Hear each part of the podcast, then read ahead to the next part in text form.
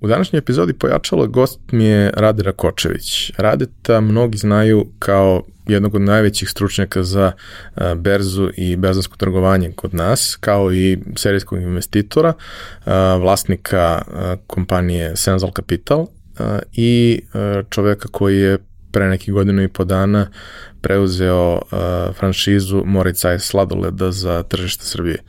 Njegova priča je veoma inspirativna od uh, malog mesta i odrastanja u uh, jednom selu u Bosni do toga da je postao jedan od prvih brokera na uh, tržištu Srbije, jedan od prvih ljudi koji su uh, radili na međunarodnim na međunarodnom bezarskom tržištu, uh, do toga da je uh, vrlo rano uh, prodao svoju firmu, nakon toga proveo nekoliko godina investirajući u tuđe biznese do trenutka kada je shvatio da a, ipak želi da, da uđe svim srcem i svom svojom energijom u jednu priču koju, u koju zaista veruje, a to je priča o Moricaj s prirodnim sladoledima, sada i organskim sladoledima na kojima radi i verujem da će vam biti veoma korisno, veoma inspirativno i veoma neobično sve to.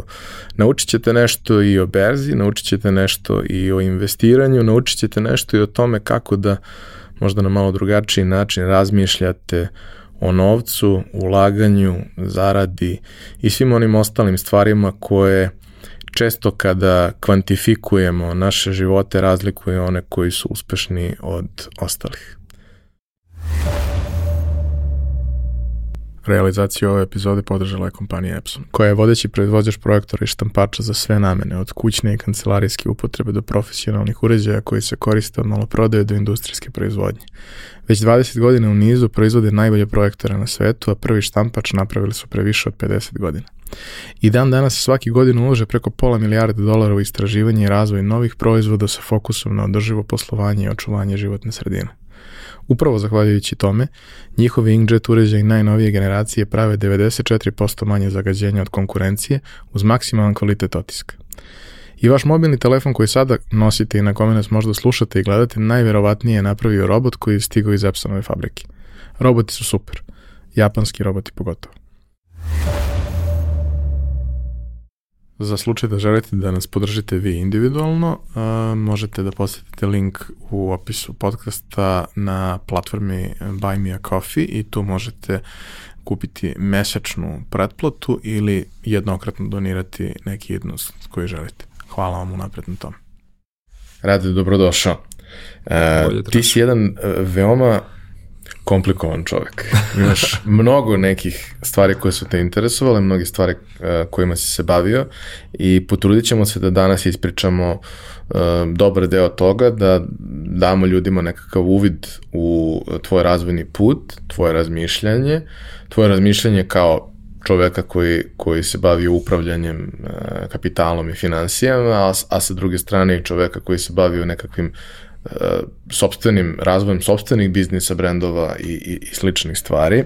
Ali ono što moram da te pitam, a što pitam sve svoje ovaj, goste kada dođu, jer mislim da je to onaj polazni, polazna tačka i iskra iz koje sve nastaje dalje, šta ste da budeš kad porasteš? Pa ja sam htio da budem uh, kosmonaut, naravno, kao i svi ovaj, u tom nekom vremenu, rođen sam 71 i Galaksija je bila ono moje omiljeno štivo i to sam čitao i, i, i gledao, onda sam shvatio da pošto sam već kao mali počeo da nosim naočare, da verovatno neću moći nikada da budem ovaj, kosmonaut. I onda me privukla da, astrofizika, htio sam da budem astrofizičar i nekako to me, ono, kosmos i sve to me od uvijek ovako, opčinjavalo i privlačilo, ali pošto sam završio srednju ekonomsku školu, u tom mjestu gdje sam ja odrastao nije bilo ništa nekako, eto, ekonomska škola je bila moja, moj izbor. Pokušao sam da upišem astrofiziku u Beogradu, fakultet, prijavilo se dvojica samo nas, a primali su 20. I onako, puno optimizma, kažem, znači ja sam primjen. Ovaj kaže, a ne, ne, kao morate ipak dopunski ispit. I ja sam probao ovaj, da uradim taj dopunski ispit iz matematike, koji je sa mojom ekonomskom školom bio za mene pretežak i, i ja koji sam bio i Vukovac i sve odličan cijelo školovanje, sam on, pitao kad može da bude rezultat, pa kaže odmah, neću nikad zaboraviti tog asistenta sa bradom onako u košulji neko koji je ovako ta, netačno, netačno, tačno, netačno, netačno. I kaže pao si. I, i on, tad mi se ovaj, srušio svijet i ovaj, eto, nisam, nisam uspio da budem astrofizičar, ali to mi je eto bila želja.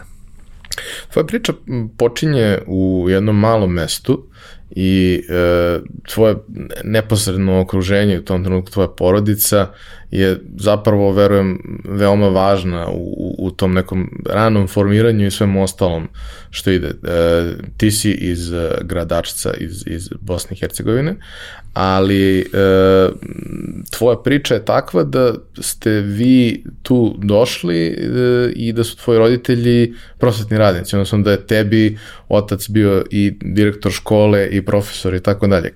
Kakav je osjećaj kad ti je otac profesor i direktor škole? Da. Ja sam rođen u Gradačcu, jer je tamo bilo porodilište. Odrastao sam u jednom selu Domaljevac, njegovo ime, pored Bosanskog šanca a moji su iz Kolašina i otac i majka i završili su učiteljske škole i tražeći posao tih 60. godina, otac je prvo otišao u to mjesto, a onda je otišao po majku ovaj, u Crnu Goru i tako smo se eto mi kao crnogorci našli u, u tom selu koje je inače bilo potpuno etički hrvatsko, na granici samoj sa, sa Hrvatskom, pored rijeke Save smo odrasli. I e, pošto je to, to je dosta veliko selo, oko 3000 stanovnika je imalo i, i ono je imalo faktički školu i pored škole je bila mala zgrada gdje su, sa šest stanova gdje su živjeli nastavnici i učitelji. Tako da smo tu mi odrasli sa još, da kažem, nastavnicima i njihovom djecom, svi smo imali slično uzrast i ja sam faktički čuo zvono i onda nekad izjurim iz, iz stana, utrčim u, u učionicu I mislim da je to odrastanje i, i taj uh, život gdje su ti roditelji i, i nastavnici predaju ti gdje je otac imao veliki autoritet, on je među prvima imaju automobil. Ja se sjećam noću dolaze ljudi u ponoć, posle ponoći jer može da odveze u bolnicu.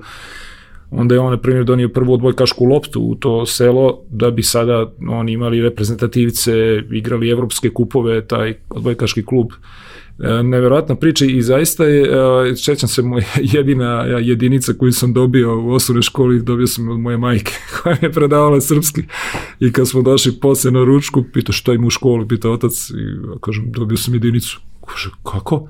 Iz čega? Rekao, pa iz srpskog. I on kao, kruno, šta neriraš dijete, šta ga, znači, sledeći čas sam ispravio, stvarno nisam znao, tako dobio sam trojku. E, ali mislim da je to, kada sam razmišljao posle o mom životnom putu, o mnogo stvari koje sam uradio, o tome kako sam stvarno prilazio autoritetima raznim, nije to samo odatle krenulo, imao sam faze u kojima se to na neki način, e, taj, ti autoriteti predamnom rastvarali i onako postajali obični, mislim da mi je to užasno pomoglo. Jednostavno ta osnovna škola iz koje sam izašao kao odličan đak, onda sam u srednjoj školi prosto sa tim nekim samopouzdanjem nastavio da budem isto i dalje odličan, odličan student, da budem radoznao, da sve mi to pomoglo. S jedne strane, pozicija u kojoj smo mi zaista imali jedno odrastanje tokom 80. godina gdje je sve bilo zaštićeno u nekoj multietičkoj sredini sa različitim ovaj, običajima i, i sve to je, mislim, izgradilo dosta moj karakter, uh, pored tog crnogorskog porijekla, da kažem, eto, to bosansko okruženje je baš mi dalo neki onako začin. Uh, svi kada prolaze kroz taj neki svoj uh, put uh, formiranja, da kažemo i profesionalnog i, i, i ličnog, uh, imaju tako neki ključne trenutke koje se dešavaju, ključne osobe koje, koje se na tom putu nalaze, uh, prolaze kroz razne faze školovanja i obrazovanja. Uh, šta je danas kada, kada gledaš unazad, šta su neki ključni momenti koje ti identifikuješ da, da su bili zaista značajni, da su ti doneli nešto, bilo da su u pitanju neke jako vredne navike koje imaš, bilo da je u pitanju neko vrlo konkretno znanje, možda ne dovoljno, ali da su ti u pravom trenutku dali pravu iskru koja te onda povukla u nešto, nešto ozbiljnije. Pored e, ovoga bradatog asistenta koji me oborio sa, sa prijemnog iz astrofizike, on je vjerojatno jedan od najznačajnijih ljudi, a desilo se da me tada dočekao moj stric koji živi u Beogradu i koji me sačekao i, i rekao mi kad sam joj rekao, pa ja sam pao. On je rekao, pa ko zna zašto je to dobro. kako sam ja mrzio tu rečenicu. To je za mene bila najgora rečenica koju je neko mogu da mi kaže i prije toga me nerviralo, a, a pogotovo u tom trenutku kad ja ne znam više šta da radimo, kaže ko za zašto je to dobro. I ja sam stvarno onako tu bio ljuti, e, trebao sam da idem u vojsku, to je bilo 89. i otac mi je rekao, pa upiši bilo šta, kao piši ekonomiju, kao kad si već tu, znaš. Ja onako iznerviran odem na, na prijemni u Beogradu i prime me kao 620. recimo, znači ušao sam, nisam čak ni bio na, kao redovni student primjer, nego sam ušao u, u grupi od 200 oni koji su vanredni studenti, ja se upišem kao vanredni student na ekonomiji, razmišljajući ma nema šanse da ću ja to da studiram, ja ću ponovo astrofiziku. I odem u vojsku i kada sam pokušao iz vojske da upišem dva puta astrofiziku ponovo, oni su među vremenu ukinuli dopunski ispit za mene, ali se prijavilo mnogo više ljudi i ne bile nerealno očekivati. Tako da neki način, eto, ovaj, interesantno je da je, da je moj otac koji je, ovaj, eto, sa tom nekom sugestijom mene ovako usmirio ka nečemu i kad sam završio vojsku, fakultet krenuo kao varedni, vidio da ja to ipak znam, zato što je ta škola ekonomska bila dobra, znao sam one najteže predmete za veliki broj moji kolega koji su upisali gimnaziji, završili gimnaziju ili tako, ja sam znao računovodstvo, znao sam te statistike, to mi je išlo lako i, i nekako sam dosta brzo tu ušao u neki ritam da polažem te ispite i da mi se da su mi dobre ocjene. A šta te na ekonomiji zainteresovalo, iako to nije bio tvoj, da kažemo, inicijalno izbor, nešto što si želeo, je u nekom trenutku se desilo da naletiš na neke stvari koje su ti zaista postale interesantne? Tu je ta anegdota. E, moj otac je, pošto je tom selu gdje sam ja odrastao, skoro svaka porodica imala nekog gastarbajtera. Ljudi su živjeli i, ono, i radili, roditelji u Njemačkoj, Austriji, a obično su dede, babe čuvali djecu. I jednostavno mi smo brzo vidjeli da onako kada dođe kraj školske godine da se tu mnogo poklona fini dobija zato što uvijek treba neko dijete malo da, da se popravi ocjena i tako da ljudi žele da, da to učine i naravno onda je otac na vremenu shvatio da ima priliku da ode onako par mjeseci tokom ljeta tamo da, da proba da zaradi neke pare. I stvarno je to i uradio, tako smo napravili kuću u kojoj sad moji roditelji žive u Kolašinu ali jedne godine se on vratio i, i šta si radio, ovaj, tata, što kaže, pa kaže, renovirali su Frankfurtsku berzu ja sam bio na, ovaj, radio sam nju i donio mi neke, donio mi neke papire, zato neke grafikone. Ja sad gledam, naravno, ekonom, ekonomska škola nije imala veze sa berzom tih 86. 7. Meni to bilo zanimljivo kako to ide. Uglavnom, ja sam to zapamtio i kada sam, onda da, da preskočim, kada sam uh, otišao na kurs za brokere 90 95. U, u, u Srbiji, onda sam, prikazivali sam razne video snimke sa berze i japanska, njuška i frankfurtska berza. Ja sam posle tog časa, kad je bila pauza, pričao s kolegom i rekao, pa moj otac je radio na frankfurtskoj berzi, a ovako prolazi pored nas neki čovjek koji se vratio posle minuta rekao ako treba posao, evo kao javite se da, ja sam stvarno rekao istinu, moj otac je radio, ja sam druga generacija. Tako to je objašnjenje zašto, otkud ja berzu, to nam je porodiš. kao je iz vica onog. I onda sam otišao na Frankfurtsku berzu kada sam nešto prolazio preletao, uh, presjedao u Frankfurtu, morao sam da odem, znači imao sam malo vremena, slikao se ispred Frankfurtske berze i trk nazad na avion. Tako da, eto, to, to je neka, neka ovaj, ne mogu da kažem da je, da je stvarno fakultet u to vrijeme bio nešto okrenut ka tome šta se dešava, ali su se ovako pojavljivali neke zrnca, neki predavači, neki profesori, asistenti koji su bili malo drugačiji, to su sada, oni, oni su dosta poznati. I jedan od njih je, ovaj Dejan Erić se zove, o, prosto dobio o, od, od Credible banke upit da mu preporuče neke dobre studente. I onda, pošto sam ja stvarno taj njegov predmet ono, volio, bio interesantan, on je bio dobar, on je mene predložio i ja sam faktički bio u maloj grupi 10 studenta ekonomskog fakulteta i 10 sa psihologije koji su došli u Credible školu. To je bila faktički Credible banka u to vrijeme bila jedna privatna banka, dosta onako agresivno radila, razvijela se, Branko Dragaš je bio ovaj, direktor i vlasnik i oni su odlučili da naprave sebi školovanje jedne ovaj, mladih studenta, da uzimaju dobre studente i da od njih grade buduće kadrove. Onako ispred vremena su bili, govorimo o 94.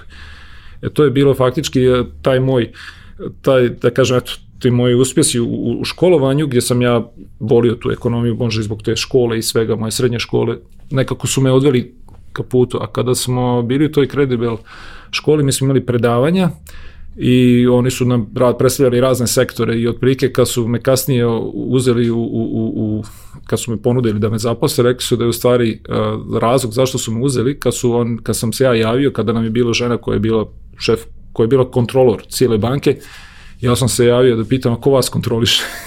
Ako je bilo kao, što odakle, otkud ovo pitanje kao ovako i kao, to je bio jedan od faktora.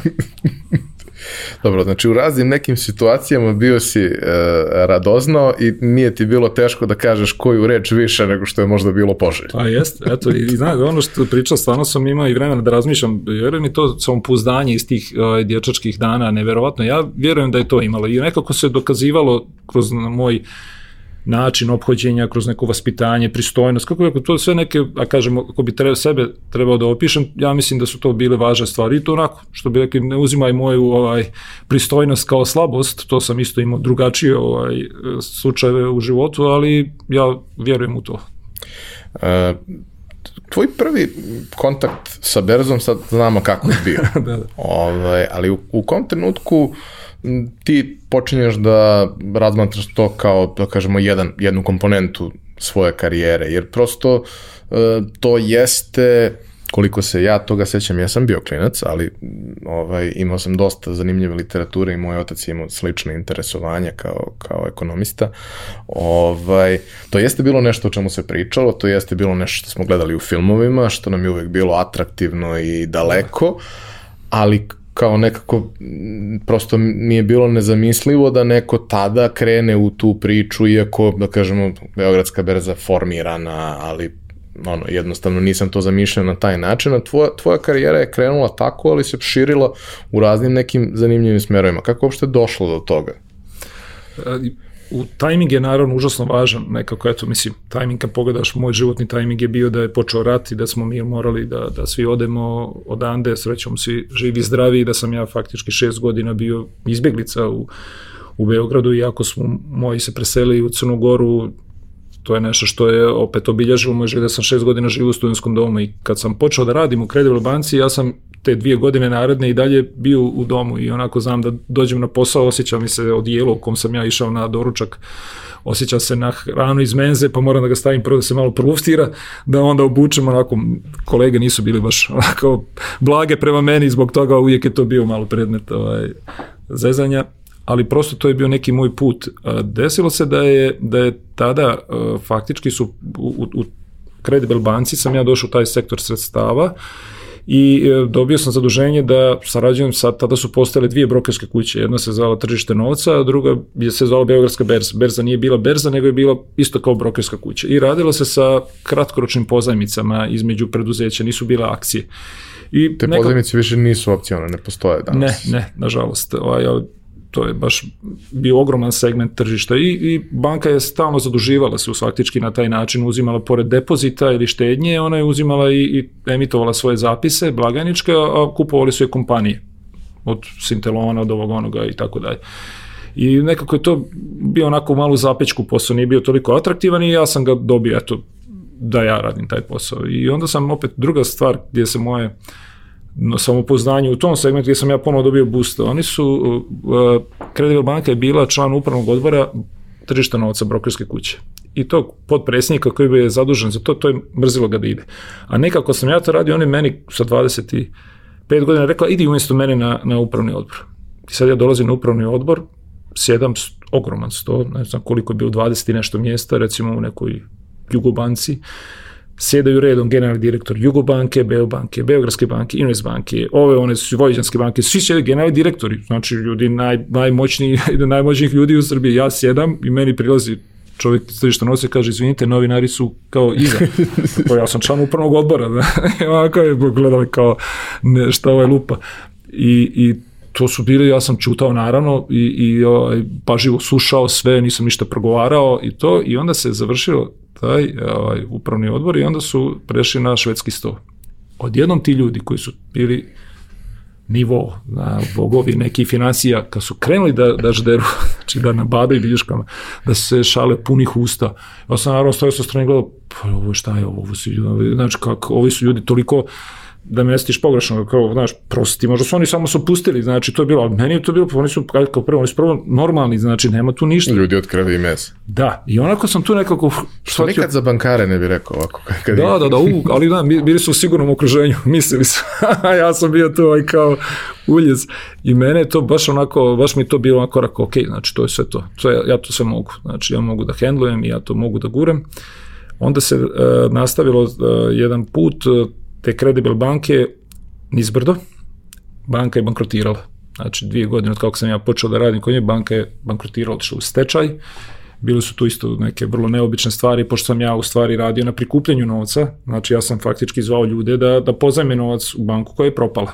Ali ja sam nekako svjestan gdje to ide, ja sam u stvari neke klijente pozvao i rekao ja ću vas zvati na telefon, a vi nemojte da date pare.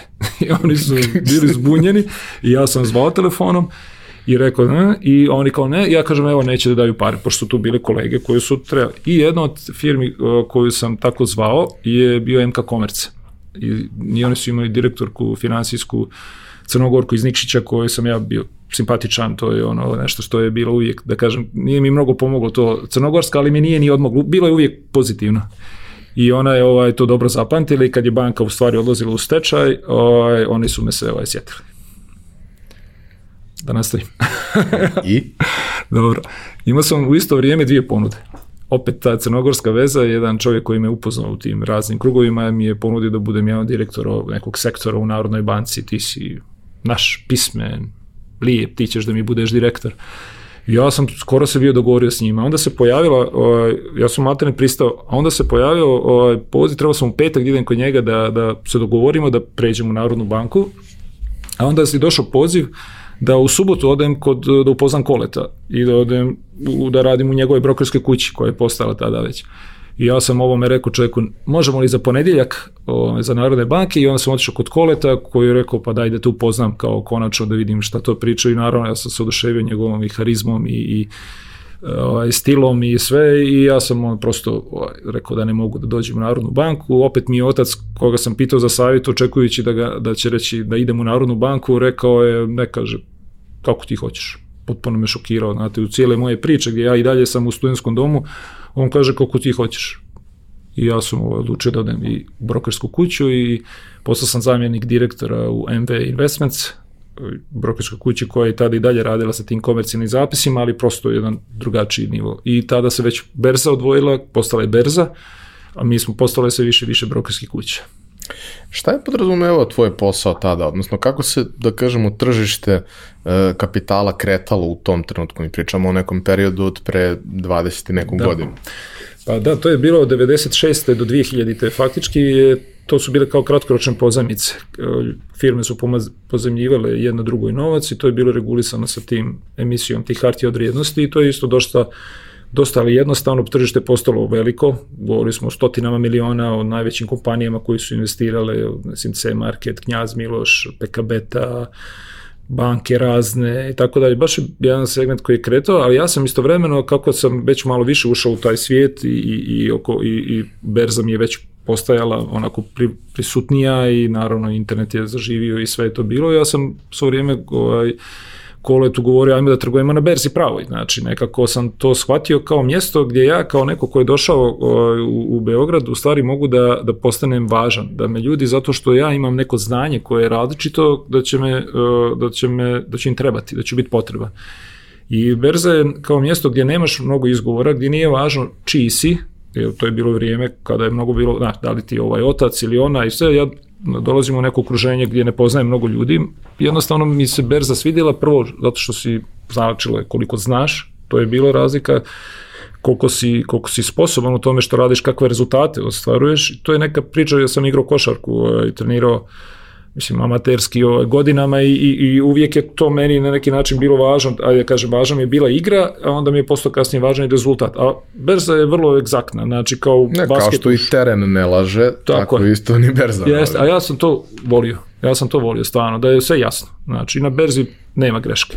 I, i tako me, ona me privukla, prvo sam to virtualno trgao, trgovao novcem, naravno super uspješno, kao i obično, da bi 99. kad je bilo bombardovanje, Kole je ovaj, podržavao demokratsku stranku i opoziciju, on onako pobjegao, što bi rekli, iz Srbije i otišao u Budimpeštu da živi, ali istovremeno pod tim mojim nekim dosadnim ovaj, pritiskom otvorio kancelariju u Budimpešti gdje je stavio neki novac i ja sam prvi put imao priliku faktički stvarno da trgujem e, i to su bili futuresi na šećer, na čikaškoj berzi, znači on je meni dao kancelariju, sekretarica, kompjutere i, i ono direktnu vezu sa, sa berzom i sjećam se, neću zaboraviti taj trenutak kad sam prvi put pozvao brokera, kako sam čuo huk, pozadini to je bilo ma šta je ovo? Znači, kao san snova, da, i onda ga čuješ onako, on govori, znači, čovjek govori iz Amerike, nešto s tobom, ti daješ neke naloge, najverovatno uzbuđenje bilo. Baš sam, baš sam tad bio mnogo ispunjen. Danas je sve to mnogo dostupnije, ali ako bi, znam da malo skačemo, ali ako bi trebao na neki način da, da posavetuješ osobe koje ne znaju dovoljno, a većina ljudi koja ima potrebu da proba nešto tog tipa ne zna dovoljno, šta bi posavetovao neko ko razmišlja da uđe u neku vrstu uh, trgovanja na berzi i investiranja na berzu, uh, kako da krene, na koji način da razmišlja, u kom smeru da se obrazuje? Pa imao sam dosta pitanja od, od prijatelja. Jedan moj prijatelj je, čovjek je analitičar radi u investicionom fondu već, već decenijama, znači analizira kupovine velike kompanije i nikako da krene na berzi da trguje. I ja sam rekao, čoveče, šta imaš na sebi, znači kupi, imaš Nike, kupi Nike, šta imaš na, na, na nogama, kupi telefon, akcije Apple-a, šta imaš telefon, kupi, nemoj da čekaš, znači moj savjet je samo da se krene.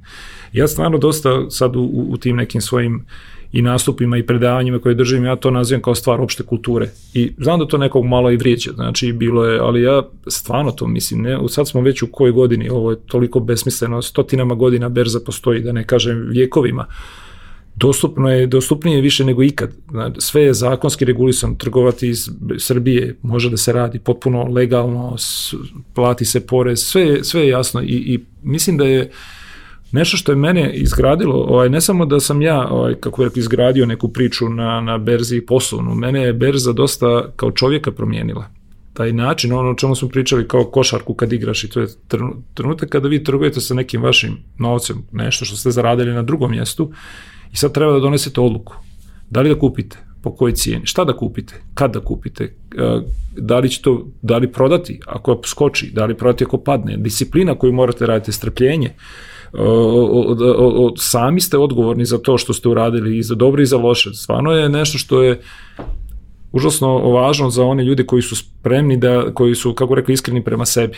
Tako da, da, da, da samo kažemo jednu stvar, dakle ti si, uh, nakon što si jedan period radio za druge, ti si u jednom trenutku uh, napravio svoju firmu koja, koja da. se bavila, koja se bavi i dalje e, investiranjem i, i ulaganjem na berzi, uh, Senzal Capital, da. a, gde prosto stvar se uh, menja na neki način, odnosno suštinski ne menja se previše, jer ti si karijeru i izgradio na tome što si za druge radio ko za sebe, Jeste. jeli? Dobro. Ali sada više ne radiš ko za sebe, nego radiš za sebe i ti si taj koji je 100% odgovoran za apsolutno sve što, što se dešava i ti si taj koji snosi sve one pozitivne konsekvence, ali i one koje možda se i ne da se baš uvek pozitivne, jeli?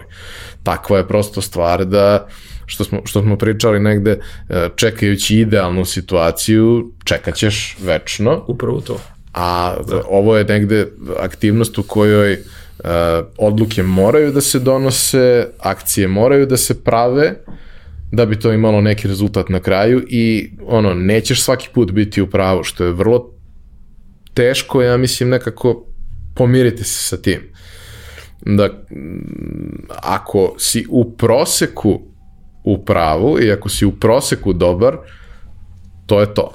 To je neki pozitivan trend koji, koji želiš da pratiš. E sad, kako prosto u tvom slučaju to, to izgleda? Ti si e, 2007 krenuo sa, sa Senzalom? E, ja sam kod Koleta radio 99. i tad kad sam trgovao sa, sa tim futuresima sam e, istovremeno o, shvatio da postoji Budimpeštanska berza akcija na kojoj se nalazio i Matav i MOL i OTP banka i meni je to bilo interesantno jer sam radio u brokerskoj kući ipak u, Srbiji, a na neki način sam već u par godina prije toga bio dosta aktivan kao kritičar, da kažem, tog zakona o privatizaciji. Imao sam dosta i objavljivo sam u tim nekim časopisima, razmišljao sam o tome kako to treba da izgleda. I onda sam ja faktički otišao i ostavio, stavio svoje pare na, na mađarsku berzu, vrlo malo, možda hiljadu ili 2000 maraka, na primjer, tada.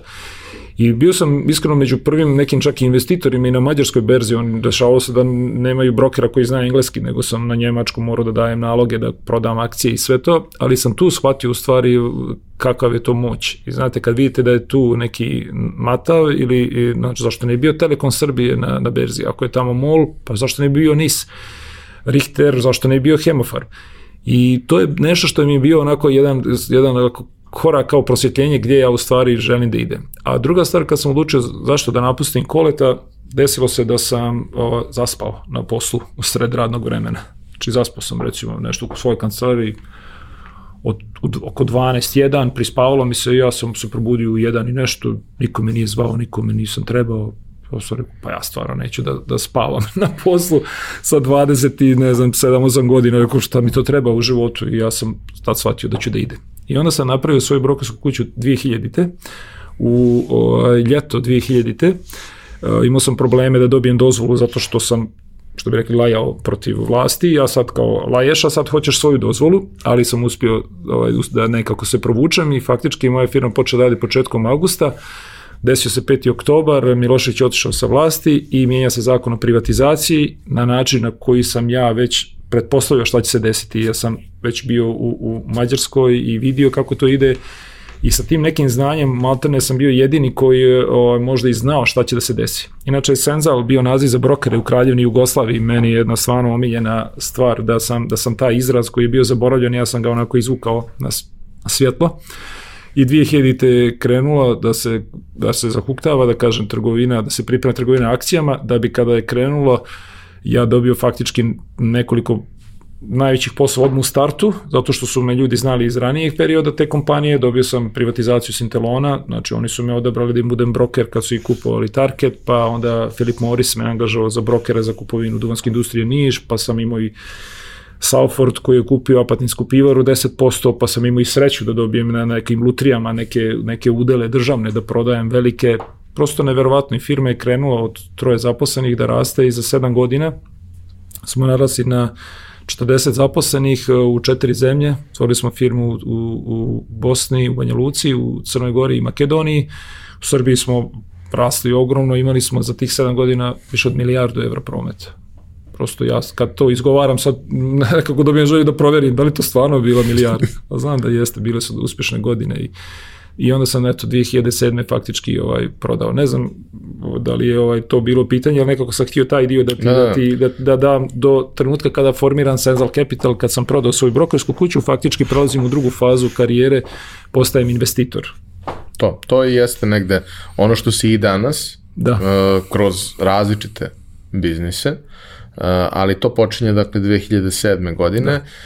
Da. Uh, šta je tvoja ideja i motivacija sa kojom krećeš tada?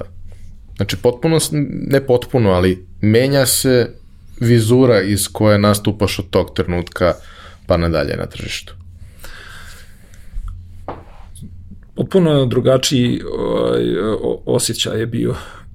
Od jednog posla u kome sam bio vrlo važan, jer to bili su veliki poslovi, telefoni su zvali non stop i taj onaj berza, berze kao što su u Americi, ono što ti kažeš, što je, što je sve privlačilo nas kada gledaš te filmove, približno je neki bio dio života koji sam ja vodio non stop na telefonu, putovanja, strani investitori, odlasci, bio sam dva puta na njuškoj berzi, sve to je nešto što je, što je bilo onako dosta uzbudljivo i odjednom više niko ne zove, nikome nisi potreban, kao da je sportista završio karijeru, tako je bilo meni, znači kao da sam riješio više ne igram, ja sam tako se povukao, u 36. godini sam prodao firmu za stvarno onako jedan veliki iznos, onako ostvario sam taj neki san, kako bi se reklo, ovaj, svih, svih ljudi koji su preduzetnici, koji kreću i malo sam se osjetio zbunjen i tražeći sebe sam u stvari riješio da da sada kao investitor budem suvlasnik u privatnim srpskim kompanijama sa nekim mojim znanjem, da postanem neko ko će da prenese to nešto i birao sam uglavnom da kažem te neke manjinske udjele,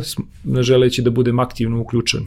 Tako da sam bio suvlasnik od Beer Festa, od ovaj, pizzerija Pomodoro, poznata beogradska u firmi koja se bavi akvarijumima, koja pravi akvarijume, gimnastika za djecu, od IT kompanija, digital marketing, stvarno deseta kompanija sam ulazio onako poprilično uh, tražeći, uh, posle sam razmišljao zašto sam to sve radio, zato što sam shvatio da je berza je vrlo striktna, zaista disciplina, način kako se evaluiraju kompanije, kako odlučuješ da li ćeš da uložiš negdje ili ne, mora da bude, kako rekao, ne smiješ da se zaljubiš u akciju, to je pravilo kod investiranja na berzi. A ja sam u stvari sad investirao u sve neke biznise u koji sam ja bio zaljubljen. Ja volim i muzika i rock muzika, prilika da ja učestvujem, da biram koji će bendovi da sviraju i da se pojavim tamo ispred bine, da upoznam ne znam, Darka Rundeka ili o Sidartu i to je meni bilo, znate, to je meni bilo fantastično. I tako da sam sve neke tako investicije vodio, naravno i dalje trgujući na berzi i, i imajući neki drugi svoj portfolio. Kad kažeš da, da kažem, taj ulazak uh, na, na, na berzu podrazumeva taj neki niz uh, pravila koje treba Dobro. poštovati. Uh, nije, nije nešto što možemo da naučimo ljude u, u spontanom razgovoru danas, ali šta su neka pravila kojima si se ti vodio, šta su neke dobre prakse o kojima ljudi treba da razmišljaju? Mislim da ta pravila, osim što važe na berzi, mislim da prilično važe i u nekim drugim sferama života i daju nekakav možda pravilan način razmišljanja i, i evaluiranja koji nije loše usvojiti ili ga makar imati negde u, u glavi kao, kao osnovu na koju treba nadgrađivati. Vrlo je važno da svako napravi uh, jedno prije nego što odluči da investira bilo gdje, napravi neki, neku analizu svog ličnog portfolija. Znači, imate stan u kome živite, imate automobil, imate neku gotovinu, pa možda imate još neki stan koji izdvajate, ili ste suvlatnici u nekoj kompaniji, privatnoj s prijateljima, nešto partneri, možda ste uložili u kriptovalute, možda ste pozajmili nekom novac, možda ste uložili na berzu. To se treba staviti, procijeniti po nekim tržišnim cijenama ja obično nekretnine i investiciju svoje u kompanijama računam kao nula, kao znači ono investicije po najnižoj cijeni po kojoj bi mogao da prodam sutra, udele u privatnim kompanijama ako nisu listirani ili a one nisu, onda računam isto vrlo nisko, znači kao da ako bih htio sutra da prodam nešto. I onda to malo vas to otrizni. Uh, Kod investiranja na, na berzi je ključna stvar da to bude dugoročna investicija. Znači, to mora bude dugoročno. Ja o berzi ne želim da govorim kao špekulaci, špekulaciji, mjesto gdje se brzo kupuje, prodaje, da je to rizično. To je prestalo davno. Ta priča je, je prevaziđena. I, no, ta priča je kocka na kraju dana, to nije investiranje. Tako, ne, a ovo, tačno. A mi ne govorimo o to, mi govorimo o investiranju. Kao što kupite nekretninu, evo, se kupila nekretnina prije, prije pet godina, ne moram vam kažem prije 10 ili 30 godina. Prije 5 godina ako ste kupili nekretninu na, na Novom Beogradu ili Vračaru ili bilo gdje i da pogledate koliko bi vam vratio prinos u eto, neke najpoznatijih svjetskih firmi, Amazon, eto, ne moramo da tražimo neku špekulativnu, nego neku nepoznatu. Amazon, to ne može da se, to ne može da se poredi.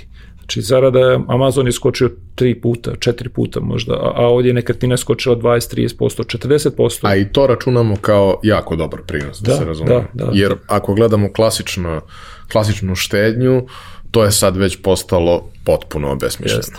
Ono što se, kad god, uh, problem je naravno što se o tome ne priča. Nema mnogo ljudi poput mene u poziciji takvoj da su prošli čitavu moju priču životnu i da ja sada kao neko ko nije ni, ni nema svoju brokersku kuću na način, nisam ograničen, ničima mogu da govorim da propagiram tržište kapitala, ono što je problem u Srbiji se tržište nekretnina doživljava kao tržište kapitala. Ljudi kupuju stanove, pa, pre, ono ga poprave, pa ga prodaju i to je kao biznis fantastičan ili ko ima malo više novca zide zgrade i to je neki sveti gral srpskog investiranja da ti imaš hiljade kvadrata ako izdaš banci ili, ili nekom nekom maksiju ili ideji ti si gospodar, ti si bog, otac, dobijaš mjesečno neke pare.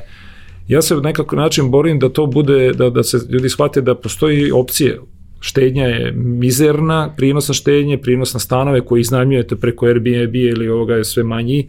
Evo vidite šta je kriza. I sve neizvesni. Tačno. Znači, ljudi kada misle da su radili disperziju tako što je kupio stanove u različitim opštinama beogradskim ili što iznajmljuje nešto, ome to, to je smiješno. A i onda, znači, ta kategorija koja je takva da ti danas imaš akcije u, u Google-a ili Microsofta ili eto i Tesla, znači, a, sut, a imaš za tri dana ih imaš nazad u Beogradu. To je likvidnost koja je neverovatna, na, na, neš, neka sloboda koja ti daje. Ali samo, znači, insistiram na tome da to bude dugoročno za ljude koji nemaju iskustva, to je činjenica, to je, to, zato ja govorim, to treba bude dio novca koji je na duže slobodan, kao da kupujete stan. I kaže umjesto ako imaš jedan stan kao u kome, koji želiš da iznajmljuješ, nemoj da kupiš drugi. Uloži u nekretninu, uloži u, kupi akcije, izvini, uloži u akcije. Kupi akcije Airbnb-a.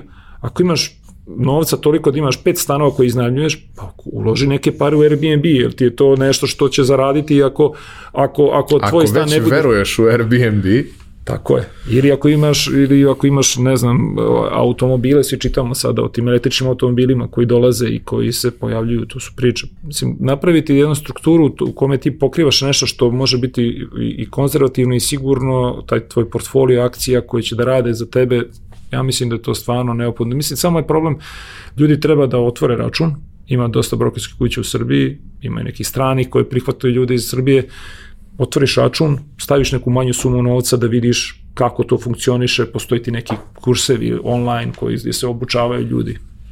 Zaista nije, nije komplikovano. Ti trguješ na berzi? Ne, još A, uvek ne, ali Moraciš. jeste nešto o čemu, o čemu razmišljam i gde, gde planiram da krenem da, da eksperimentišem, samo iz jednog razloga, mislim, iz jednog razloga to, a ne kripto, nikad nisam da. ušao u kripto, uh, pre svega nisam ušao u trenutku kada je možda i trebalo kada je to bilo u samom povoju. Znao sam za to, da. nisam verovao u to, propustio sam tu priliku kada je to zaista bila mogućnost za, za nekakav za nekakvu ekstremno veliku zaradu, da se razumemo. Da, da.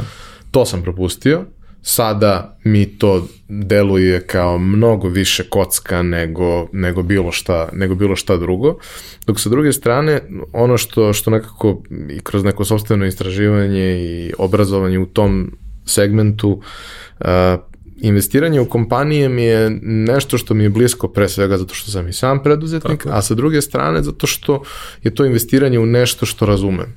To ne znači da ću da budem u pravu, ali ja prosto u neke ljude, u neke proizvode, u neke brendove, verujem, oni imaju određeni prosto to, to je ono neminovnost kada, kada trguješ i kada istražuješ berzu, imaš nekakvu statistiku za prethodni period, vidiš kako se kreću i samim tim negde imaš određenu vrstu predvidljivosti. Ne znaš šta može da se desi, može da se desi skandal, može da se desi pad, može da se desi krah iz, iz raznih razloga, ali prosto ako je to nešto što je izgrađeno, čini mi se, na stabilnim, realnim osnovama, neće to čak i ako dođe do nekog pada, mislim da će se dugoročno ispraviti vratiti tamo gde, gde treba da bude, a ja ako ulazim u to, ne razmišljam o tome kao nečemu što treba da u desetostruči moj novac u roku od 5 godina, nego samo treba da mi da nekakav prinos kojim ću ja biti zadovoljan i svoje vreme razmišljam, a ti me ispravi ako, ako to nije E, do, dobra logika da prosto ukoliko se odlučiš da staviš radi lakšeg računanja 10.000 eura da uložiš u nešto, uloži na 10 mesta po 1000 eura u 10 kompanija ili na 5 mesta po dve napravi nekako portfolio sebi koji će da bude dovoljno raznovrsan, da možeš sebi da priuštiš da jedna ili dve kompanije budu na istom nivou ili možda čak i da padnu, a da ti tvoj ceo portfolio na kraju bude, bude pozitivan. Ali moj ugao je ulaži u ono što razumeš, jer u suprotnom to nije ulaganje, to je igra ili kocka ili kako god dosta ljudi poznajem u Srbiji, a vjerojatno i ti, mnogo više njih koji su uložili u kriptovalute nego u akcije. Znači, ljudi koji su preskočili, kako bih rekao, o neku osnovu investiranja u kompanije i nego su odmah krenuli u kripto, gonjeni tom nekom željom za brzom zaradom, za nešto. To je stvarno, meni, meni je to nevjerojatno, to nisam još uspio da shvatim. Odakle sklonost tolika ka hazardu samo za velikom zaradom nego, nego nekom dugoročnom građenju logičnog portfolio, portfolio koji može ostati tvoje djeci. Vi zamislite da ako imate akcije Microsofta ili McDonald'sa ili ne znam čega, nešto što postoji, to, to, to može da ostane i vašoj djeci, i njihovoj djeci i onda to je nešto što, kako rekao, to ostaje kao porodični, porodična imovina, kao što imate kuću negdje u, ili i to je nešto što meni nije jasno, ali eto, mislim da se stvari polako mijenjaju, apsolutno je diversifikacija ključna. Ono, ljudi kada misle u investiranju, zato je to ključno kad govorim da je to neka zaštita, ne, ne rizik, ti u stvari kupiš akcije više kompanija i neke koje imaju neku svoju predispoziciju za neki rast, kompanije koje, koje imaju proizvode koji, koji obećavaju, ali to si lijepo rekao i to je nešto što jeste onaj dio što ja govorim kako berza izgrađuje čovjeka. Ti imaš neke svoje navike, imaš neke svoje vrijednosti, životne vrijednosti, nešto u čemu vjeruješ. I ti sada imaš neku novu generaciju investitora koju, koja u stvari tako bira šta će da kupi. Znači ja recimo ne bi nikad kupio akcije Philip Morrisa. Znači ne mogu, oni daju dividendu 6 ili 7%. Ali ja stvarno ne mogu da kupim tu akciju. Znači, Rio Tinto isto je dobar i on radi profitabilan i sve to. Ja ne želim da kupim tu akciju. Znači, s druge strane imaš kompaniju kao kao što su, kao što su ne znam, ajde, kažem, Tesla koja radi električne automobile, da li je to dobro ili nije, imaš kompanije koje vode računa o tome i sve više te stvari postaju vrednije, znači kao, ne znam, Beyond Meat kompanija koja zamjenjuje meso, na primjer, i, i, i ti sada već tu kaže, razmišljaš, pa evo vidiš, to su stvari u koje ja vjerujem i onda vrijednosti koje su sada važne ovaj, generacijama koje su tvoje ili mlađe godište, one koji postaju svjesniji da je ono, da, da, kako rekao, moć se sada prebacuje, e, to je vrlo interesantno, ti znaš iz svog biznisa, moć se prebacuje ka krajnjim korisnicima, ka potrošačima, ka klijentima. To je sada isto i na berzi slučaj. I na neki način ti možeš da izgradiš portfolio firmi uz eto, neku analizu prethodnu, znači nekog, da to bude ono u što ti vjeruješ, zaista. I vjeruješ ti, i vjeruje tvoja porodica, i vjeruju tvoji prijatelji i to mora da ide ka tome. Da li to... I možeš da pogrešiš ali da. ako si dovoljno Tako je. rasporedio svoj rizik, tako je. onda to neće imati nekakve katastrofalne posljedice. Upravo tako. Naravno, ono što sam rekao da ne, ne zaljubljuju se u akciju. Sve to je nešto što je kada ti imaš neko znanje, kažeš evo ja bi ove akcije kupio, na primjer posavjetuješ se sa nekim, a to je ono što ja radim na primjer, ili drugi ljudi kad, da li je to baš dobro, kad kupiti tu akciju, to je jedno je šta, a drugo je kad kupiti, u kom trenutku, I, I mislim da ne treba od toga praviti nikakvu ovaj, famu, niti ne, ja, ja zaista ne želim da, da to predstavljam da je to neka astrofizika, nego je to nešto što e, sam ma, malo vremena koje bi posvetio, prvo bi dobio dosta informacija o svijetu u kom živimo.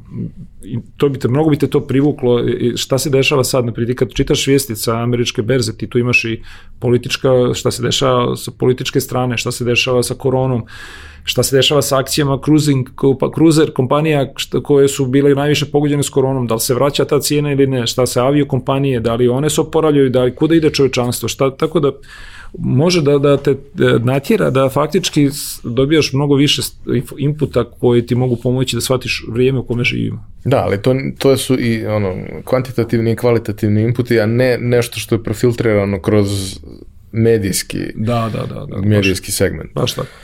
A, jedna od stvari koju hoću da se, da se dotaknemo, ovaj, iako na prvu loptu nema veze sa, sa ostatkom priče, a zapravo ne može da nema veze, pošto smo mi svi e, ceo skup stvari koje radimo, je tvoja priča sa uh, Savezom za američki futbol, uh, gde si ti, da kažemo, jedan od pionira tog sporta ovde, dugo godina si bio predsednik Saveza, taj Savez je od nečega što je bilo potpuno na, na, na jednom amaterskom nivou, na nivou entuzijazma, postao vrlo, vrlo ozbiljan, vrlo interesantan sport koji jako lepo raste, koji ima svoju publiku ovde, koji naravno raste i kao posljedica toga što je globalna popularnost tog, tog sporta velika, ali mi sada imamo i ozbiljne rezultate u, u, u tom segmentu i dobar rast i jako dobar imidž tog sporta i razne neke pozitivne stvari koje, koje se dešavaju vezano za njega, otkud ti uopšte u američkom futbolu? Kad je, i kako? To jeste ova moja stvarno velika ljubav i ja obožavam e, taj sport. Biću ovo što kažu otvoren, pošto stvarno mi imamo pionire, ljudi koji su krenuli 2003. koji su igrali američki futbol bez opreme. znači, to je, da, da, to baš, baš joj, znači, i, i to su stvarno izvaredni momci.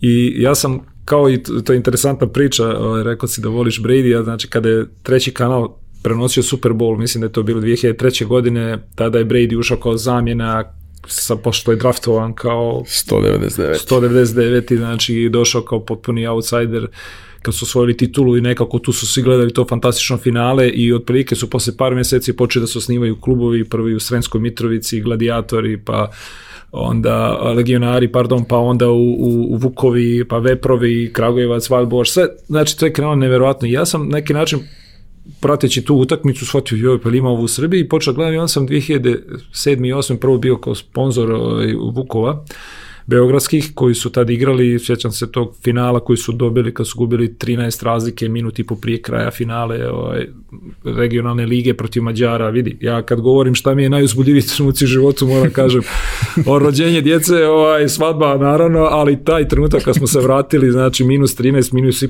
po do kraja, ja to ne mogu da, da zaboravim nikad. I ja sam onda posle, da kažem, donošeći u, u, u taj sport, neko svoje iskustvo, neku svoju karijeru prethodno, znači odlučio da bi, eto, bilo dobro da budem možda i kao predsjednik Saveza, da se postavim da probam da, da privučem sponzore i da, da eto, animiram malo javnost da to više zna, tu su mi pomogli Miša Lukić, poznati je naš čovjek, e, stručnjak u, u marketingu i biznis dizajnu, on je napravio novi logo Saveza i mi smo u jednom trenutku bili jedini savez e, sportski u Srbiji koji je više para dobio od sponzora nego od, od države. Znači, užasno malo novca smo dobijali, jer je to može pored futbola.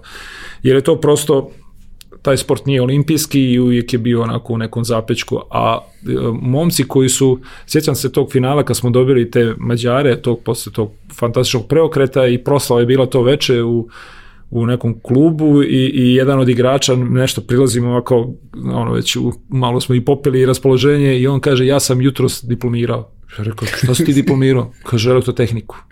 Ja gledam, on je, znači, to je elektrotehniku, a onda igrao finale. Ta sam, ta, ta, znači, do tada sam to, a ta sam, to je gotovo, tu sam se potpuno primio i dosta sam uložio energije kao, kao predsjednik. Mi smo u sada trenutno sedmi ili osmi u Evropi, naš, naša reprezentacija seniorska, na svjetskom nivou smo 14. i 15. znači fantastične ovaj, rezultate. A računamo da smo pre manje od 20 godina krenuli od nule. Od nule. Reprezentacije protiv kojih igramo su toliko šokirane, Italija koja ima decenije i decenije od prije drugog svjetskog rata, da mi igramo s njima na jedan field goal razlike ili da su da smo od prvaka o, Evrope, Francuske izgubili na njihovom terenu sa, sa zahvaljujući, ne znam, dva fambla, ti znaš čemu pričam, koja smo napada, nismo dobili touchdown iz igre, nego za jedan touchdown. Ne, ja to, toliko to volim onda sam odlučio da, sad sam potpredsjednik Saveza, ali sam odlučio da, da napravim svoj klub, odvojio se Novi Beograd Orlovi i da krenem da radim sa klincima. Jer ipak razlika postoji. Imaš Njemačku, Austriju, neke druge zemlje koje su prosto bolje od nas i mi imaš granicu do koje možeš da igraš, možeš da igraš egal sa Italijom, možda Francuskom, ali na primjer Njemačku ne možeš da... I onda sam rekao, ajde da vidim, da krenem od klinaca. I ja sam počeo da radim sa bukvalno djecom od 8-9 godina i naši su klinci putovali uh, 2019. na, igrali su u Austrijsku ligu ispod 11 godina, taj flag futbal. I mi smo bili drugi. Znači, to je meni bilo važno. Austrija koja je vice šampion Evrope, koja je odlično ima hiljadi i hiljadi igrača, Znači u 11. godini naši su klinci igrali egal s njima. I sad Evropsko prvenstvo imamo u septembru, nadam se da ćemo dobiti pare od nekih sponzora da možemo da pošaljemo klince da igraju ispod 15 godina Evropsko prvenstvo u Italiji, gdje branimo bronzanu medalju koju smo osvojili prije pet godina. I eto da kažem, tu, tu je nešto što na čemu ja gradim neku priču, uživam radeći sa klincima, ja sam trener, znači danas imam trening u šest. I onda i igram, treniram ih, te klince obožavaju taj sport, vrlo je zanimljiv, treniraju djeca već od 8-9 godina i, i mislim da je budućnost tog sporta upravo ono što se najavlja da će postati olimpijski sport, ta ova verzija flag futbala, jer je jednostavnije kao basket 3 na 3 E, dobija najbolje od, od američkog futbala, puno uh, i hvatanja, puno interceptiona, quarterback baca, nema udaranja, što je onako sada malo postaje kao priča koja se govori protiv američkog futbala, kao da, da ima concussions i to. Tako da ja zaista vjerujem u budućnosti i nadam se da ćemo uskoro imati prvog našeg NFL igrača. Sad smo otprilike kao divac kad je otišao u NBA, ima jedan, jedan fantastičan ovaj, momak koji je sada na univerzitetu Boston, sad je prva godina, izvaredan, izvaredno radi i na njega, svi gledamo njega, ovaj, Ilija Krajnović se zove, nadamo se da će on biti prvi naš, što kaže Srbin koji će otići u NFL. Kada gledaš kako se razvija jedan takav sport, jedna od važnih komponenti kada je to nešto što prosto nema tradiciju, nema ne postoji škola na koju možeš da se osloniš. Znaš, nam je bilo lako da se vratimo na košarkašku mapu jer postoji 70 godina tradicije i gde da. god da zagrebeš doći ćeš do, do, do nekog znanja, doći ćeš do nekih ljudi, do, nekih, do nekih kadrova, ali recimo znam da, uh, jer i neki moji prijatelji igraju i imali smo par puta neke ove razgovore uz pivo i sve što uz to ide, ovaj, da su oni dobijali u raznim nekim periodima prethodnih godina uh, jako lepu podršku od uh, recimo američkih igrača, američkih stručnjaka koji dođu dobrih koleđ igrača koji dođu na nekoliko meseci, na jednu sezonu, da budu tu da igraju, da treniraju, da prenesu neko znanje, da pokažu neke specifične stvari. Kako je došlo do tih saradnji?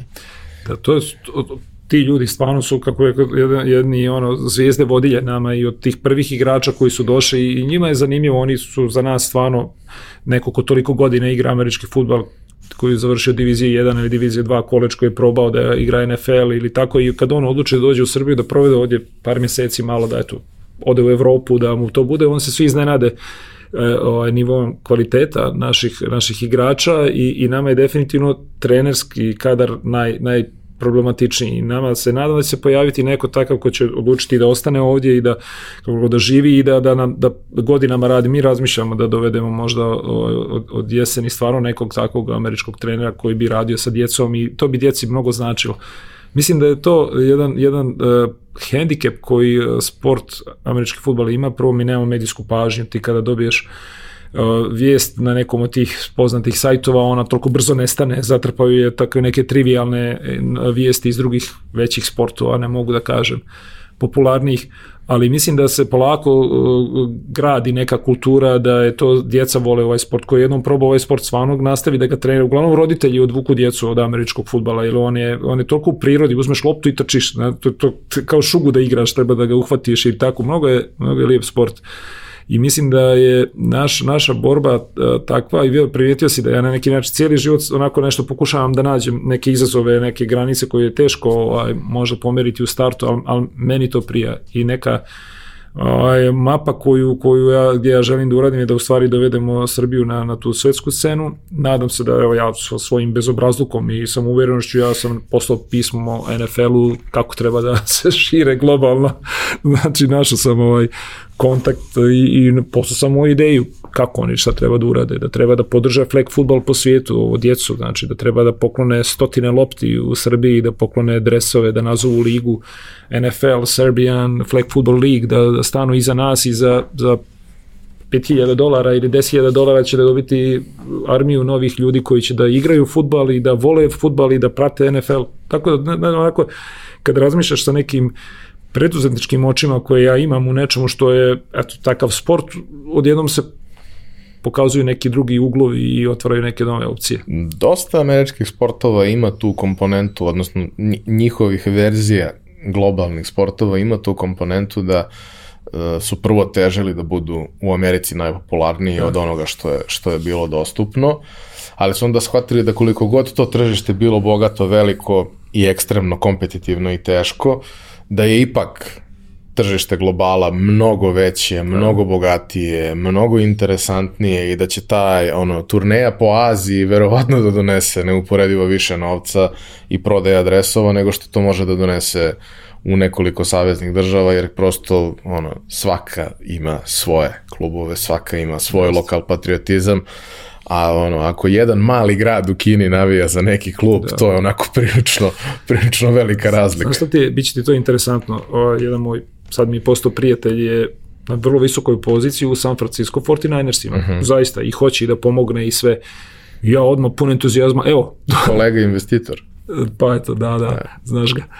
I on je, na primjer, rekao da oni ne mogu to da rade, da on ima pravo, faktički licenca im je samo za Ameriku. I to je sad problem, zato je on rekao, on hoće da pomogne, znači da i sad ja faktički, što je baš teško, sad ja trebam da probušim NFL da bude sponsor ili da ću doći do Alexa Smitha, znaš, što je, uh mhm. -huh. ima srpsko korijenje i već sam komunicirao sa njegovom majkom, znači, o kojoj mi je odgovorila na mail, znači, kao, kao je Alex Smith ponosa na srpsko porijeklo i to, znači, sad ja njega probam da uvučem, ili ću probati preko Jokića, koji je sada legenda, znači, u Denveru, znači, sad ću da pišem mail Denver Broncosima, kaže, ljudi, hoćete li da dobijete ovoga Jokića u vašem klubu, pa daj nešto ovdje pomozi. Imamo mi još dece u Somboru. Da, da, da, ali zaista postoji klub u Somboru. Sad odjednom oni postanu prvaci Evrope, znači, da, to su, to su stvarno onaj jedni, jedni, meni zaista uzbuljivo, drago mi je da si pomenuo tu temu američkog futbala, ja zaista i vjerujem u to i nekako uživam radeći i sa djecom i kažem ti ljudi koji su oko američkog futbala su prosto neverovatni, koliko je to entuzijazma, koliko to ljubavi, znači niko od nas nema da ja sponzorišem sve, svi ti ljudi rade ili treniraju besplatno i to je, to je reprezentacija kad igra, to su takva odricanja, znači, ali oni ne, sve se ostavlja da bi reprezentacija bila najbolja. Stvarno, to obožavam. Jedna, jedna zaista lepa pionirska priča i nadam se da će e, dobiti adekvatnu podršku ovaj, da bi mogla da raste, jer prosto kod nas postoji ta, ta, ta nekakva struktura klasičnih tradicionalnih sportova, u zavisnosti od veličine oni dobijaju neku podršku, da. ali je zapravo, ako nisi tu jako dugo i nemaš istoriju vrhunskih rezultata, vrlo je teško da, da ti kao novi sport uspeš da se probiješ i da dobiješ neku vrstu ozbiljnijeg sufinansiranja od države Just. da bi mogao da se razvijaš. Tako. A, e sad, došli smo sad do, do dela razgovora u kome hoću da se bavimo uh, onim čime se ti sad najviše baviš, a to je uh, odluka koju si doneo pre nekih godinu i po dana da uđeš u svet sladoleda. Zašto? I zašto baš da to uradiš tako što ćeš uh, uzeti franšizu za Moritz Ice, za Srbiju? Od 2007. godine kad sam prodao firmu, ja sam donio jednu ovaj, odluku, ne znam zašto, da ja sad više neću da radim. Znači, to je jedna bila odluka... Super ti ide. Pa, vidi, stvarno je ovaj, zvučalo dobro i tada. I, i jedna je vrlo onako, da kažem, tema u kojoj sam isto morao mnogo da razmišljam, vidiš da, da dosta to pominjem, da sam imao jednu zaista introspekciju sebe, zašto sam ja donosio neke odluke i dobre i loše u životu. Znači, to je na neki način bila ne mogu da kažem loša odluka, svak, sve odluke imaju svoje, ali da, odluka da se ja faktički ispovučem iz posla redovnog i sad ću ja kao da nešto lenčarim, da nešto uživam, da ovom onom, da se bavim nekim stvarima. Ovaj, to, to je nešto što je ovaj, na kraju dovelo do toga da nisam bio ostvaren u nečemu što ja stvarno volim, a ja volim biznis, ja volim da kreiram, ja volim da stvari pravim drugačije. I to što sam ja bio suvlasnik u raznim firmama mi nije nikad dalo slobodu da ja mogu da ostvarim ono što želim. I na tom Beer Festu ja sam imao plan i to se ni ne zna. Ja sam bio na sastanku u Sigetu sa Siget festivalom. I već iz moje priče, znaš, vrlo racionalno. Ok, Siget, ajde preskočite exit, ajde se spojimo, mi i vi. Znači, vi bukirate Arctic Monkeys, neka dođe da svira u, na, na, na Beer Festu. I ljudi su slušali, opet sam došao nekim svojim kanalima i rekli, pa ajte što da ne, ajte da se mi da razminimo posjete, to je bilo 2018 dođete vi kod nas na festival, dođemo mi kod vas na Beerfest da malo vidimo šta je Beerfest, 100, preko 100.000 ljudi dnevno, znači jedan od najvećih festivala na svijetu, vjerujem. Te moji partneri na to nisu reagovali, kao to, kao preko, to se ignorisalo. Znači nešto što bi ja kao preduzetnik nastavio da gradim, je li moja ideja što ne bi ovdje došao da svira neko od tih bendova svjetskih Lady Gaga, što ne bi svirala Lady Gaga u Beogradu u okviru Beer Festa. I onda sam shvatio da je, da je taj put u stvari gdje ja ne mogu da donosim odluke bio vrlo uh, pogrešan, da ja sam bio uključen, a nisam bio uključen u uvođenje biznisa i, i odlučio sam da faktički sve svoje investicije zatvorim, sve gdje sam bio manjinski i prodao sam, nisam više suvlasnik ni Beerfesta, ni Pomodora, bukvalno sve akcije, sve, sve investicije su vam riješio i da stanem na loptu dok se nije pojavio odjednom moric kao nešto što mi porodično volimo apsolutno je taj zladoled godinama i, i jedemo od prvog dana kad se pojavio 2012. i, i na neki način je jedini moj uslov da faktički uđem u to da ja budem 100% vlasnik, da ja to sad kontrolišem potpuno. I, za tržište Srbije. Da. I za tržište Srbije i tako sam napravio dogovor sa osnivačem, čovjekom Austrijance, Moritz Fried, koji je to napravio, stvarno je tad bio ovaj, pionir i on je umeđu vremenu učinio nešto što stvarno ni jedna, to nije uopšte karakteristično za, za poslastičarnice, za, ti znaš, za te male zanatske proizvođače. Oni, poslastičarnica obično je jedna, to je porodično, držiš. On je riješio da otvori ovaj, nekoliko već radnji u Beogradu, pa je onda otišao u Crnu Goru, pa je onda otišao u Čile, pa je otišao u Rumuniju, pa je otvorio, Bugar, ovaj, otvorio Mađarsku, Hrvatsku, odjednom je čovjek promijenio koncept uh, zanatskih sladoleda.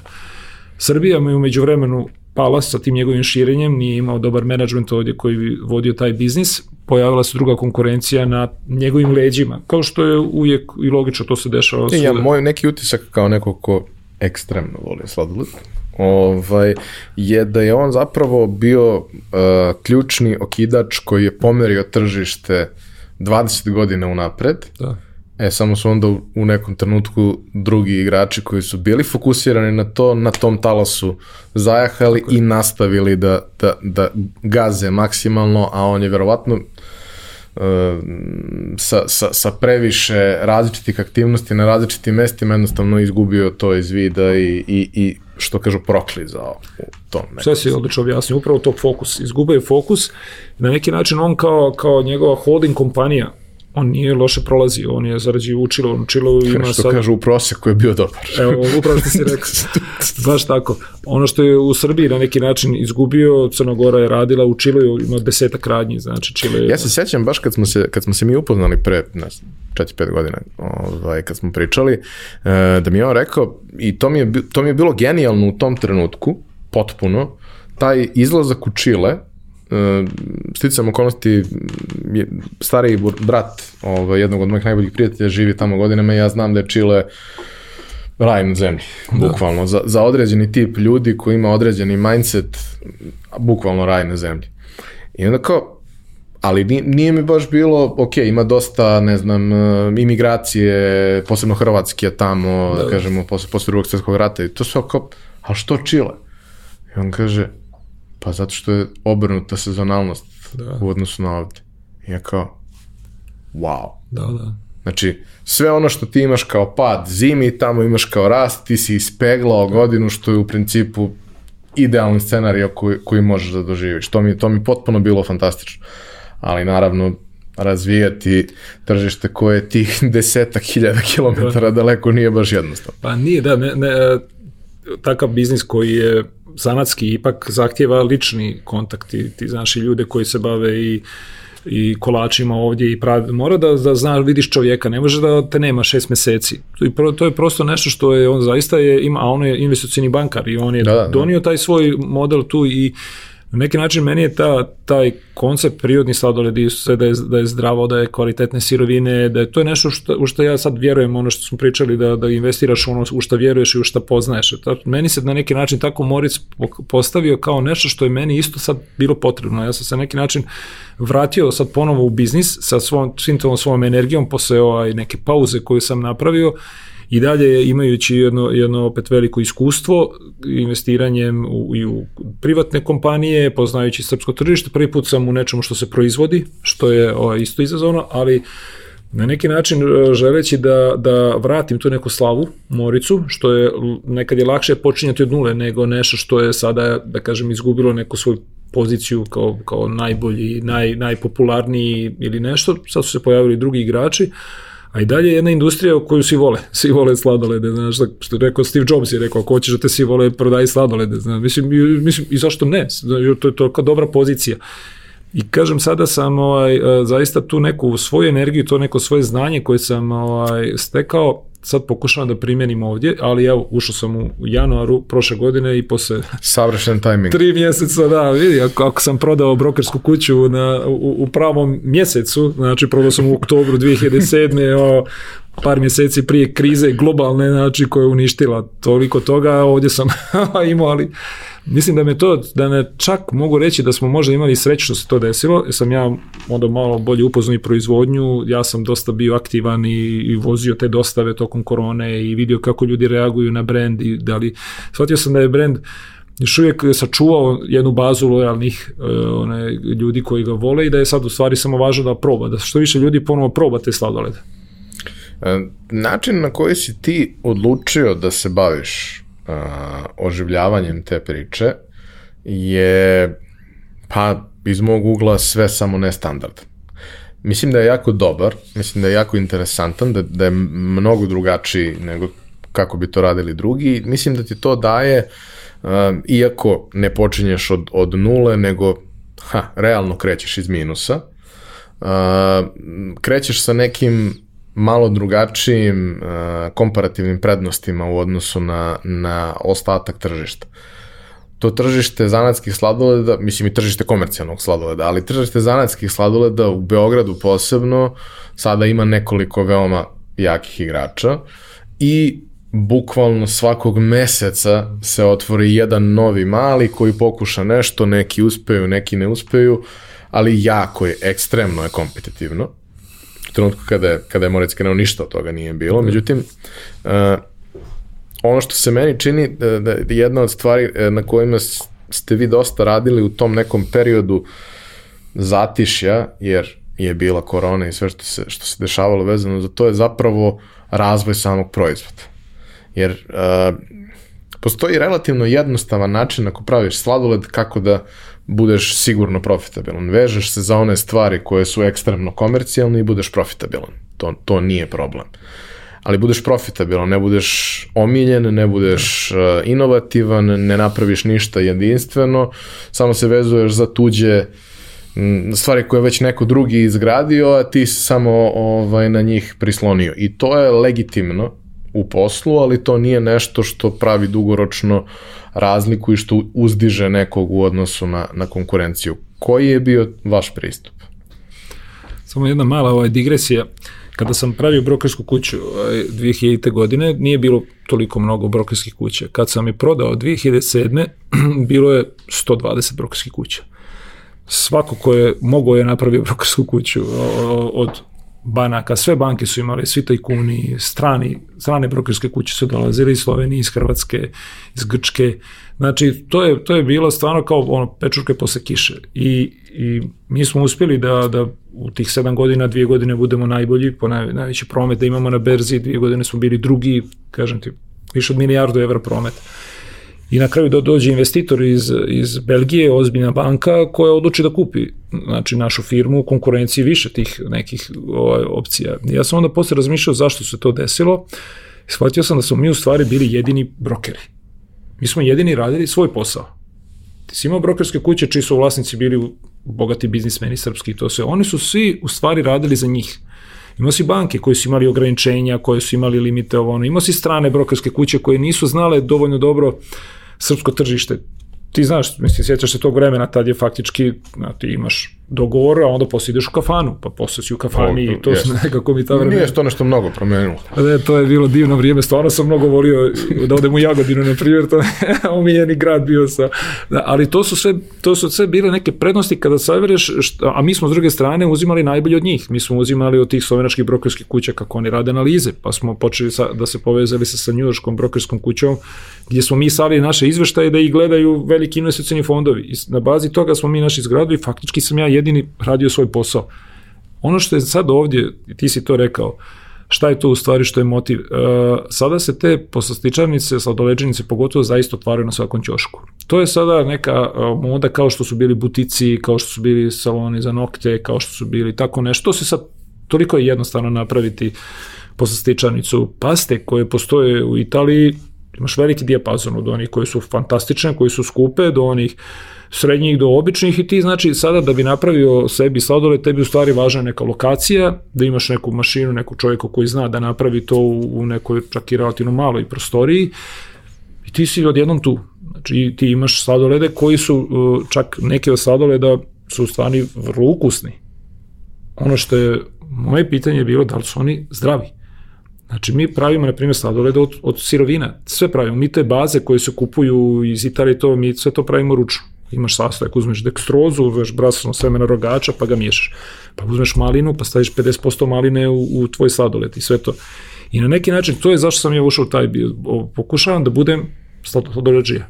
Da pravim sladolede kako treba da se prave. Ne kako je profitabilnije, kako je jednostavnije, kako je lakše. I jeste to možda put kojim se ređe ide i nešto što nije uobičajeno, ali na neki način ja zaista vjerujem u to i osjećam se vrlo konforno, jer taj sladoled jedu moja djeca. Znači ja, ne bi, ja nikad nisam, na primjer, preporučio ni jednu akciju nikome koju ja ili nisam imao ili ne bih imao. Znači ja ne bih mogao da prodajem sladoled koji nije dobar, ne mogu da, da vjerujem u to, znači ja to ne, nemam, nemam obraza da tako nešto kažem. Da, da neko sad, evo, kupite nešto što se meni ne sviđa ili nije zdravo. Jedna moja prijateljica koja ima malu, jako malu poslastičarnicu u kojoj pravi jedan set primarno tradicionalnih američkih kolača, ali i neke druge stvari. Kada smo pričali prvi put o, o svemu tome, kako bi ona uopšte opisala svoje proizvode, jer kao, ok, postoje, ljudi ih isto znaju iz filmova i sve to, ali generalno nemaš ti sad neku mnogo veliku publiku. Izgradila je ona jednu lepu malu bazu, ali nije, nije to sad hiljade ljudi. Da, da. Ona mi kaže, pa ovo su ti pošteni kolači. ja kao, to sve što ide unutra, to je to. Kako je da. tvoja pita od jabuke toliko dobra? Pa zato što je pita i unutra ide mnogo jabuke. I da. kao, to je to. Nema ničega, nema nikakve, nema tajni, nema ničega, samo mnogo znanja, ljubavi, veštine, cimanja, truda i to da. prosto da neki rezultat. I kao, ja možda ne umem da napravim najbolje nešto negde, I možda ni ovo što ja pravim nije najbolje, ali ja ga pravim potpuno iskreno, ja sam dala 100% sebe i ja stojim iza toga što pravim. I mislim da za svakog malog proizvođača, mada vi već lagano prevazilazite to nešto baš malo, da je najvažnije to da si ti u principu osoba koja je uvek spremna da stane i ispred i iza svog proizvoda i da kaže ovo sam ja, ovo jedu moja deca, da. ovo sam ja pravio ko za sebe, što kažu kod da. nas. I to mislim da, da je negde sa, sa uh, zanatskom hranom ono što, što je najvažnije, a sve više hrane i sve više tih segmenata, ne samo hrane, nego i pića, i vina, i piva, i svega, zalazi u to da hajde da bude sirovina iz 5% najkvalitetnijih. Jeste, bit će skuplje, okej. Okay I ne možeš da priuštiš sebi svaki dan. I moraš svaki dan da priuštiš sebi. Jel više voliš da svaki dan jedeš nešto što je ispod prosečnog kvaliteta ili da sebe jednom nedeljno nagradiš, ali da to bude wow? Ja, ja recimo sad sebe ne nagradim ni jednom nedeljno, ali to je sad drugo, jer sam ja sebe nagrađivo godinu. Prethodno, da, ja da. sam sebe dosta ovako temeljno nagrađivo u jednom periodu svog, svog života. Ali to, i onda kad kažeš, kad recimo analiziraš, što sam baš pričao sa, sa, sa prijateljem koji je sladoled majstor i tako dalje. I pričamo, i on kaže, tako, izbegavam sve što ima šećer, pa kaže, nema. Ima, zapravo ima vrlo malo šećera, ok, ima šećera iz voća i sve što ustoji, ali kao, mi sad ako bismo analizirali, nema ovo, bog zna koliko šećera. Problem je što ti, Miniću, ne možeš da pojedeš dve kugle, to, to je druga stvar. da. Ali nije problem u, u, u, u sirovinskom sastavu. Sirovinski sastav je vrlo, vrlo bazičan i on izvlači ukuse na tako što ima kvalitetnu sirovinu koja je bogatija i tako dalje. I vrlo bira kad su te stvari u pitanju i ajde, on konkretno je takav da kad nema tu vrstu sirovine, on neće napraviti, jer je, jer je takav. Kad si kad pređeš iz tog malog, malog, malog zanatskog i radiš sa, sa lancima i radiš sa, sa, sa nekim većim sistemima, ne možda nemaš. Moraš da imaš neku, neki, neki standard kvaliteta, ne možda nemaš sladoled od jagode kad ljudi hoće sladoled od jagode. Uh, koja je bila tvoja ideja Dakle, u trenutku kada, kada, kada si preuzeo to, tajming je bio fantastičan, kao što smo i mogli da ovaj, zaključiti. Uh, šta si ti suštinski preuzeo? Šta si ti kupio, dobio u tom trenutku? Šta je bila polazna osnova? Dobio sam uh, znanje ovoga šefa proizvodnje koji mi je bio glavni, koji je znao da napravi ovaj, još uvijek zna dobre sladolede, odlične. Dobio sam brend koji je ha, u kojoj se fazi nalazio, ne bi baš mogu da kažem tačno, ali recimo neću da kažem baš u fazi jednog slobodnog pada, ali u fazi u kojoj je izgubio svoju poziciju. Uzdrman. Uzdrman poprilično. Znači, prosto žestoko onako udrman, postali su drugi brendovi, mnogo jači, mnogo popularniji, iako kvalitet nikad nije bio ovaj, previše diskutabilan, kvalitet je uvijek bio jednak, ja želim da kažem i bolji čak i kod Morica u odnosu kod konkurencije, ali to više nije bilo važno, to ti znaš, ljudi žele idu za nečem što je atraktivno, popularno, brand, brendove koji su jaki. I ono što je, što je tu bilo faktički, ovaj, ljudi koji su zaposleni bili, koji su bili vrlo nervozni i nezadovoljni sa svim tim što se dešava. I zaista u toj cijeloj situaciji gdje ja obećavam da će sve biti drugačije, samo da krene sezona, odjednom u martu sve to staje gdje sam ja odlučio da ću ono dati svima ovaj, plate ću zadržati, znači ako je nismo radili mjesec dana, kreće da se radi dostava i, i ja sam vodio društvene mreže, odgovarao sam svima na, na ponude i onda sam radio jednu stvar koja će ti dati možda odgovor šta je u stvari neka moja ideja. Mi smo odlučili da dajemo 50% više sladoleta. Znači nisam htio da dam popust, nego sam htio da dam više sladoleta. Ja sam želio da pružim ljudima prvo u sred korone, zatvoreni kući, da mogu da probaju više ukusa, da mogu da podijele sa nekim koji im je tu relativno blizu, da, da eto, prosto se ponovo upoznaju sa Moricom i vidim da to ljudima dosta značilo. Kao što je rekla tvoja prijateljica, vrlo brzo sam shvatio, nikad se do tad nisam bavio proizvodnjom. Da bi sladoled bio dobar, mora samo sirovina da bude dobra. Ne prašta ništa, nemoguće je napraviti.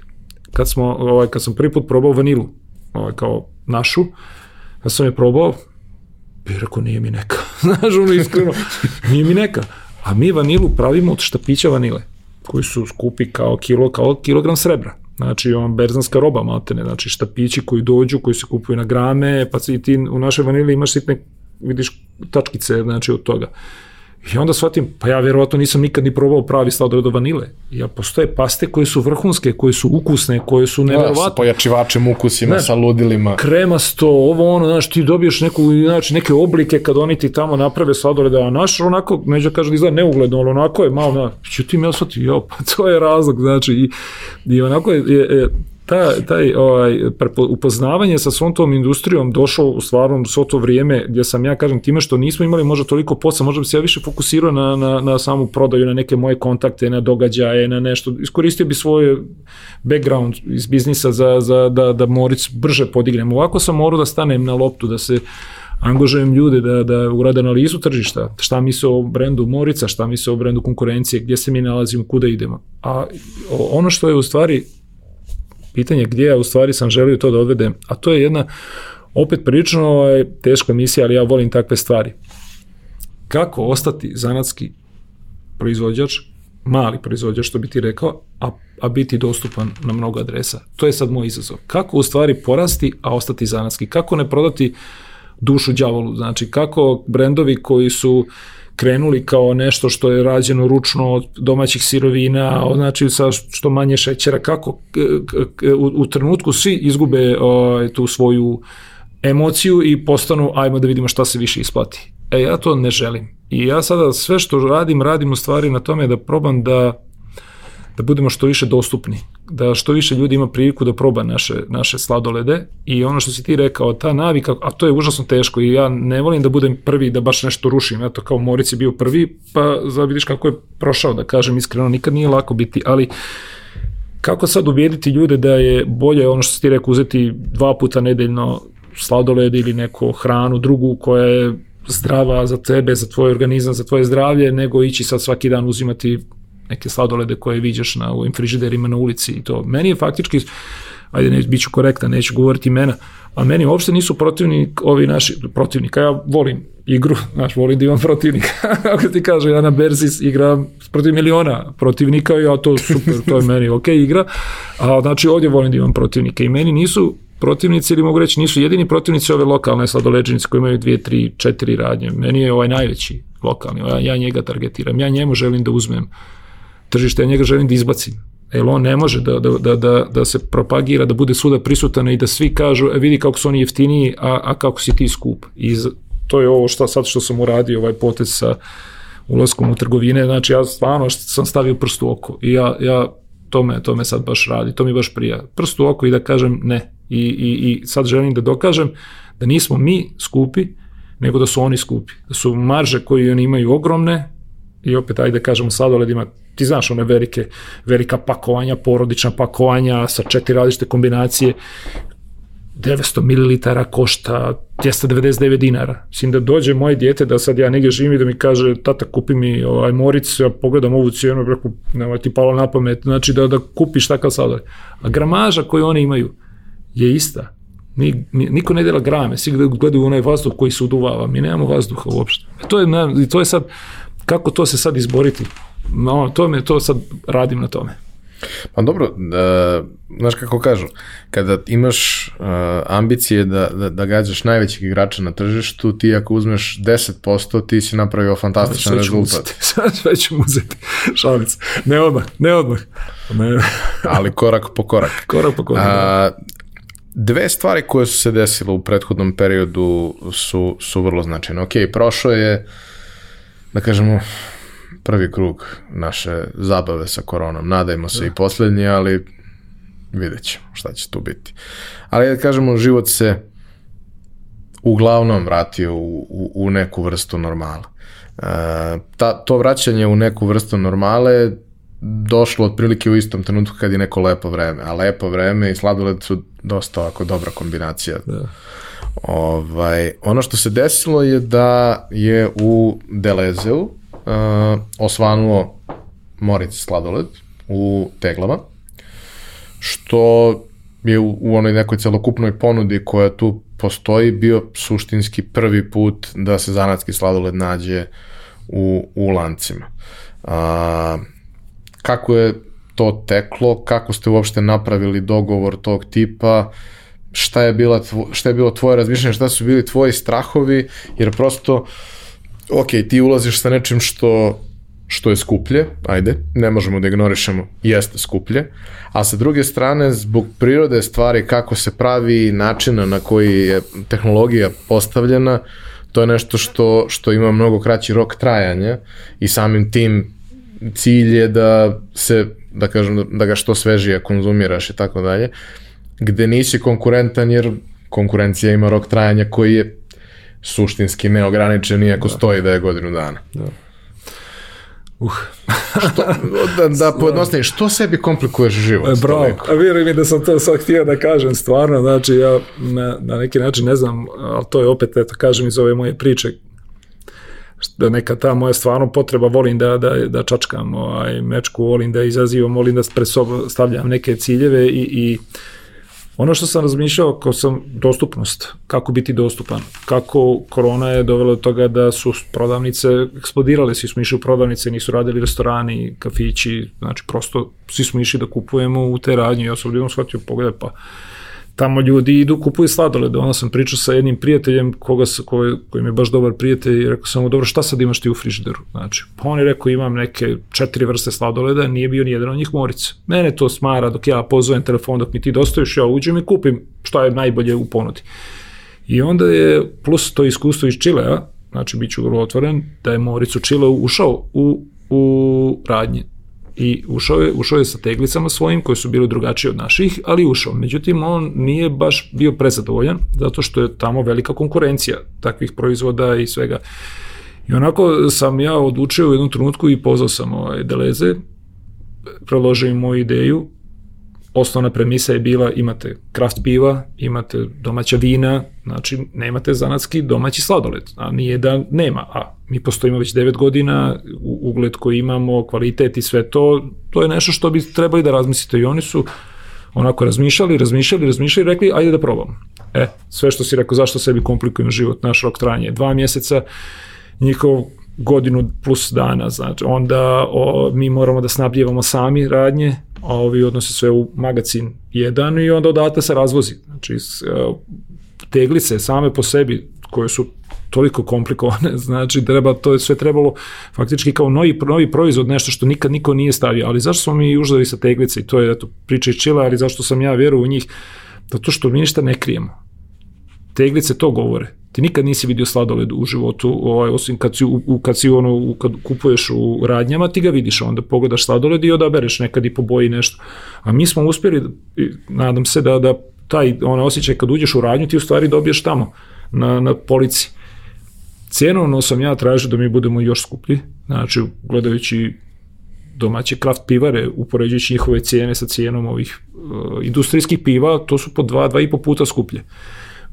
prilike su rekli kao nemojte, kao molim vas, bili bi, ne bi nas niko kupio, znači, ali je to realna razlika, ono što mi dajemo i što, što daju drugi, naši konkurenti. Ali eto, da kažem, ovu godinu smo krenuli da probamo da vidimo kako reaguju, ovaj, kako reaguju potrošači, kako reaguje Deleze ušli smo u neki broj, ovaj, manji broj radnji, onako da testiramo u Beogradu, u Novom Sadu i Pančevu, sad ćemo vjerojatno da, možda za narednih 7-10 dana da odemo i u Niš, vjerujte, odneti odneti teglice sladoleda u Niš ne da ne, nemamo zaradu, nego sve izgubimo. Što do, do, do Kragujevca smo sve izgubili što smo, što smo i mogli da zaradimo već, znači, od, a onda do tamo i nazad, to je već on čist gubitak. Ali ja to želim da, da vidim kako će da ljudi reaguju. I, na primjer, mi smo otvorili sada našu radnju u Pančevu. Znači, kao Moritz Ice u Pančevu. I Pančevo sad, kako će Pančevo reagovati na Moritz, kako će ono ali reakcija da su ljudi zahvalni što smo tamo, to je vrlo interesantno i mislim da smo mi primjer za druge zanatske radnje koje se bave različitim industrijama i tako dalje, da su ljudi zahvalni, ljudi cijene kvalitet, ljudi nam se vraćaju. Znači, stvarno, cijene su iste kao u Beogradu. I, i nemamo nikako ništa, sve isto, isti kvalitet, sve to, ali, ali e, ta emocija koju dobijamo, ja nisam to očekivao da će biti tako. Sad što ti kažeš zašto komplikujem? To je sve dio te priče u kojoj ja stvarno želim da izgradim nešto da mi možemo da budemo prisutni u, u, po cijeloj Srbiji, znači u svakom gradu, znači da li će to biti sa Delezom, da će oni htjeti da, da idemo i dalje, da raširimo još više gradova i sve to, kako mi da budemo ovaj, pristupačniji, kao što sam pitao moju suprugu, da li bi ti vjerovala da je Moric prirodni kad bi nam cijena bila malo skuplja od industrijskog konkurenta najvećeg? On rekao, ne bi. znači, on odmah rekao, ne bi ti vjerovala. Znači, ja i kad bi svjesno spuštao, ne znam, cijenu da marža bude mala, a da probamo da budemo efikasni kao firma, da probam da i dalje držim sve to prirodno. To, to mi je sad izazov. Kako da, da, da, ne, da ne budem alav?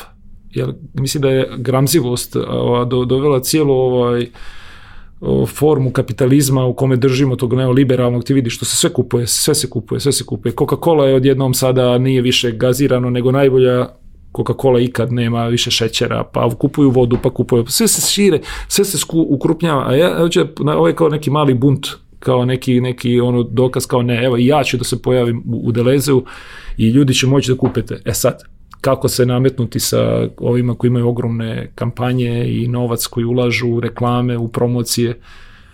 Onako, da kažem, idemo korak po korak. Ono što si ti rekao, to mi se svidelo kad smo pričali o strpljenju. Ja, ja svim mojim saradnicima govorim, mi trčimo maraton, ali mi je važno prolazno vrijeme.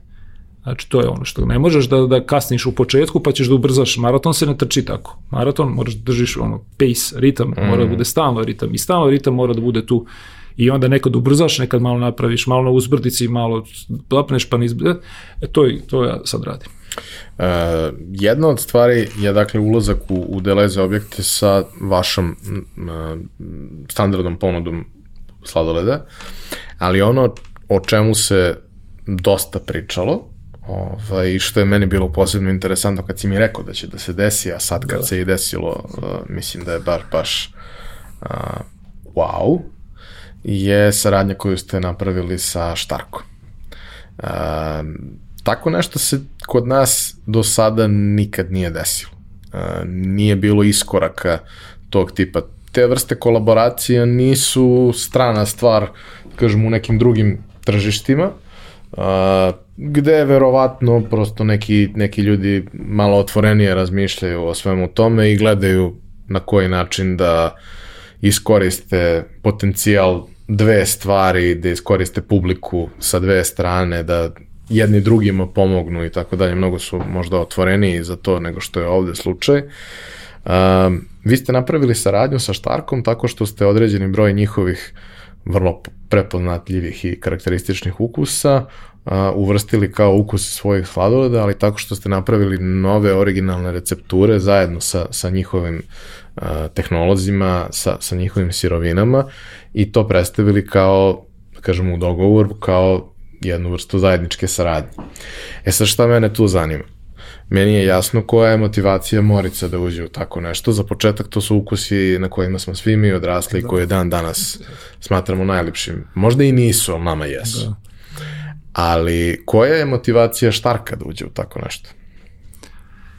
Mi smo prošle godine vrijeme korone onako imali vremena opet i da, da razmišljamo i ja sam neku prošlu godinu da kažem posvetio ovaj, testiranju pravljenja ukusa. Kako bih rekao, morao sam da se upoznam sa proizvodnjom i mi smo prošle godine napravili 120 različitih ukusa. Vjerujem mi, ja kad sam ovaj, dao kampanju da ljudi pogode koliko smo ukusa napravili u prošloj godini, najviše je neko dobacio do 60 različitih, a mi smo 120 i to je naravno pretjerano i to nećemo više raditi, obećavam, ali smo između ostalog u razgovoru sa, sa ovim ljudima koji su radili prije, ja Moric je postavio prije mene, oni su pomenuli kao pravili smo sladoled od vina.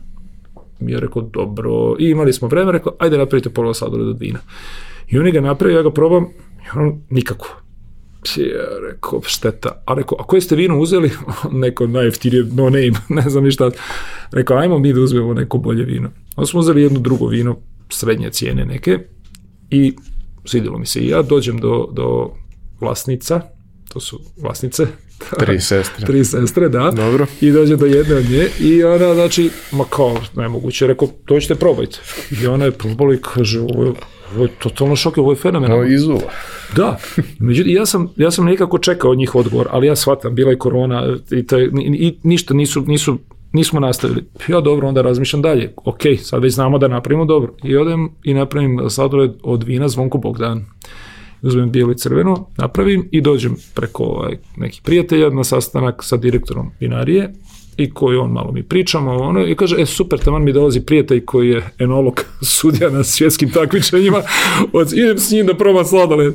Rekao, jel moguće, sad će da ide ovaj da me pokopa, znači, i, i ovaj dolazi vrlo ozbiljan čovjek, znači, rukujemo se, ja, ja odem, oni da probaju, zove me ovaj, posle ovaj direktor, kaže, ovaj se oduševio kaže vino, crveno vino, zaista je nevjerojatno da je sačuvao buke, onaj, znači da, da ti osjetiš to sve bijelo moglo je bolje, ajde, ali ovo je bilo i onda su se oni, na primjer, toliko oduševili, dobili smo i besplatno i da pravimo vino i da vino, da pravimo sladoled i dali nam i brand, sve su nam dali besplatno, a i prošla, ali godina je bila takva čudna i nije to krenuo dalje. Onda sam ja krenuo dalje, ajmo da napravimo ovaj, sladoled od piva.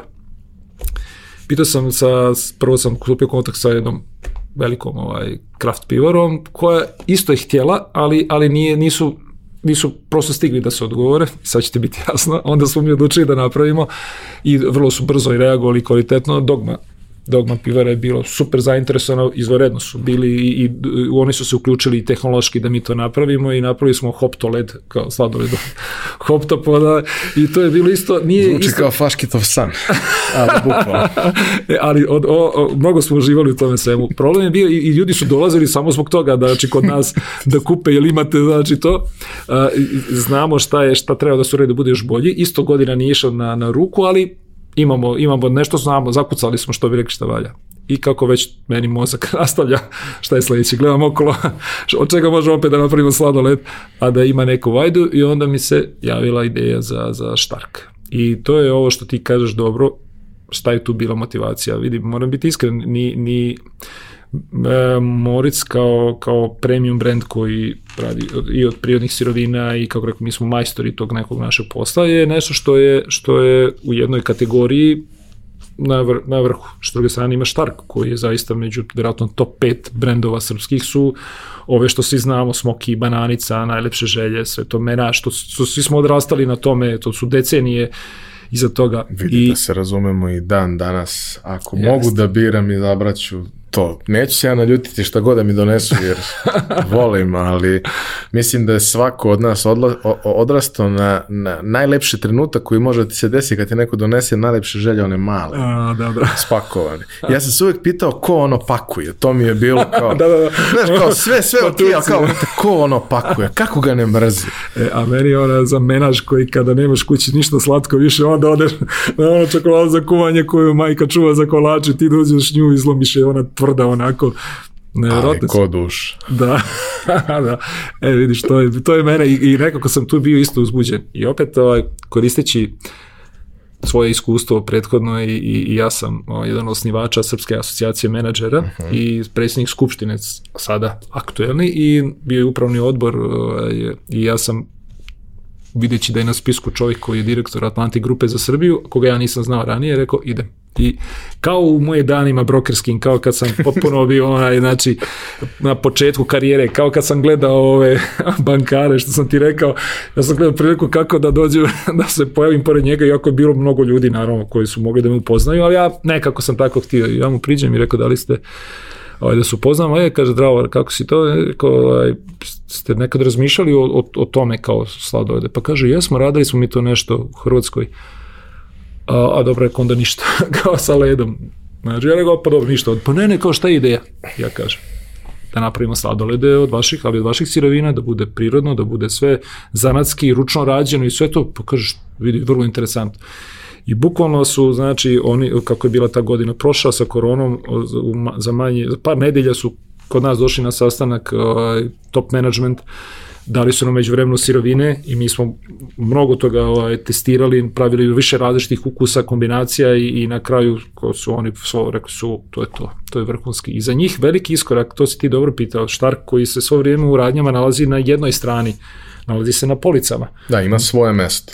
Nikad nije bio u frižiderima a ja opet znajući biznis, uh, aj sad, ovaj, već da pomenemo, znači ti si imao saradnju plazme i frikoma, znači pojavljuju se već ti sladoledi u svijetu se već to pojavljuje, Oreo sladoled, nije da, to da, da toga nema, znači Kit Kat, svako tu nešto... Svaka od čokoladica imala svoju varijantu u vrsti jest, sladoleda. Jeste, i oni su stvarno bili toliko, ovaj, ja sam iznenađen, ali izuzetno pozitivno da su oni na to reagovali kao, kao idemo s vama. Znači, hiljadu načina je bilo da nađu nešto drugo, da urade, testiraju.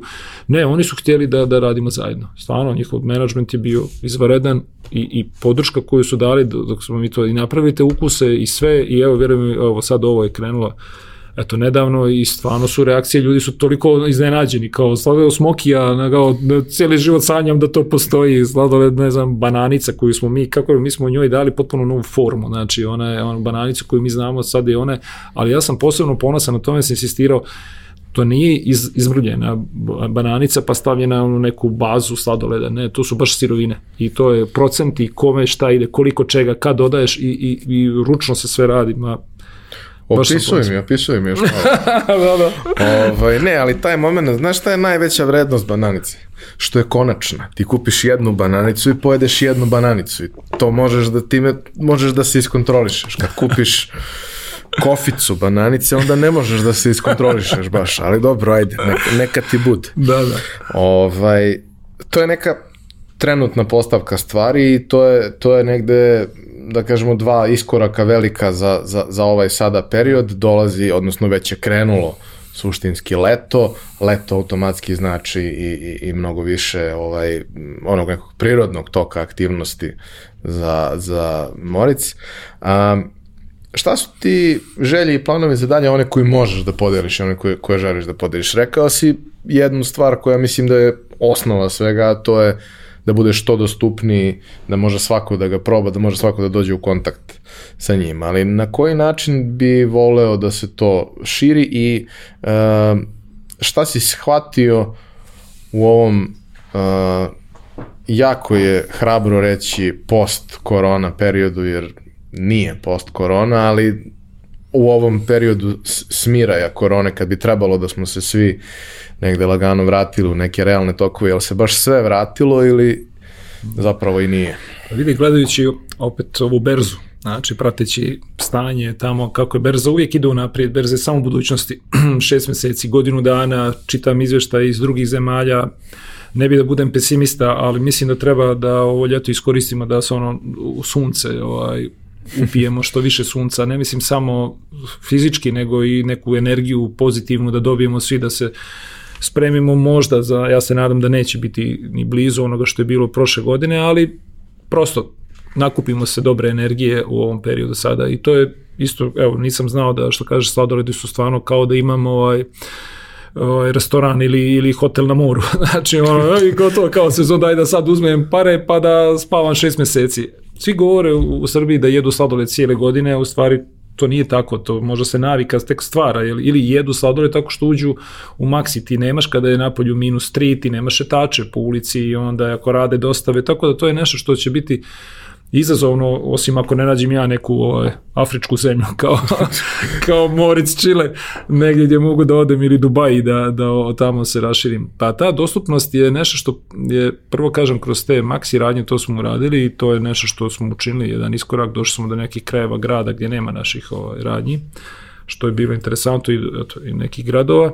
Onda e, volim da testiram ove druge gradove, to sad radimo sa, sa, u saradnji sa nekim lokalnim, ovaj, lokalnim restoranima, kafićima koji su onako, imaju neku dobru reputaciju, nešto što nama odgovara njihova energija, da probamo da odemo u neke gradove kao što su Čačak, na primjer, evo sad treba da uđemo u Niš, isto ovaj, vrlo brzo, tako da, na primjer, mi ćemo imati faktički naš sladoled je sad dostupan i u Čačku. I to je meni, to meni prija. Kao deo nekog objekta, da bude u ponudi nekog objekta tako koji tako. je... A meni to daje ovaj, slobodu da imam te pop-up radnje gdje ja faktički kopiram eto, Frikomov model gdje on ima 4000 sanduka koje samo povuče kad završi se sezona. A, a koncept svih poslastičarnica da imaš svoje radnje je užasno skup i nije rentabilan, teško je naći kadrove, tako da to je neki ovaj, biznis kuda idem.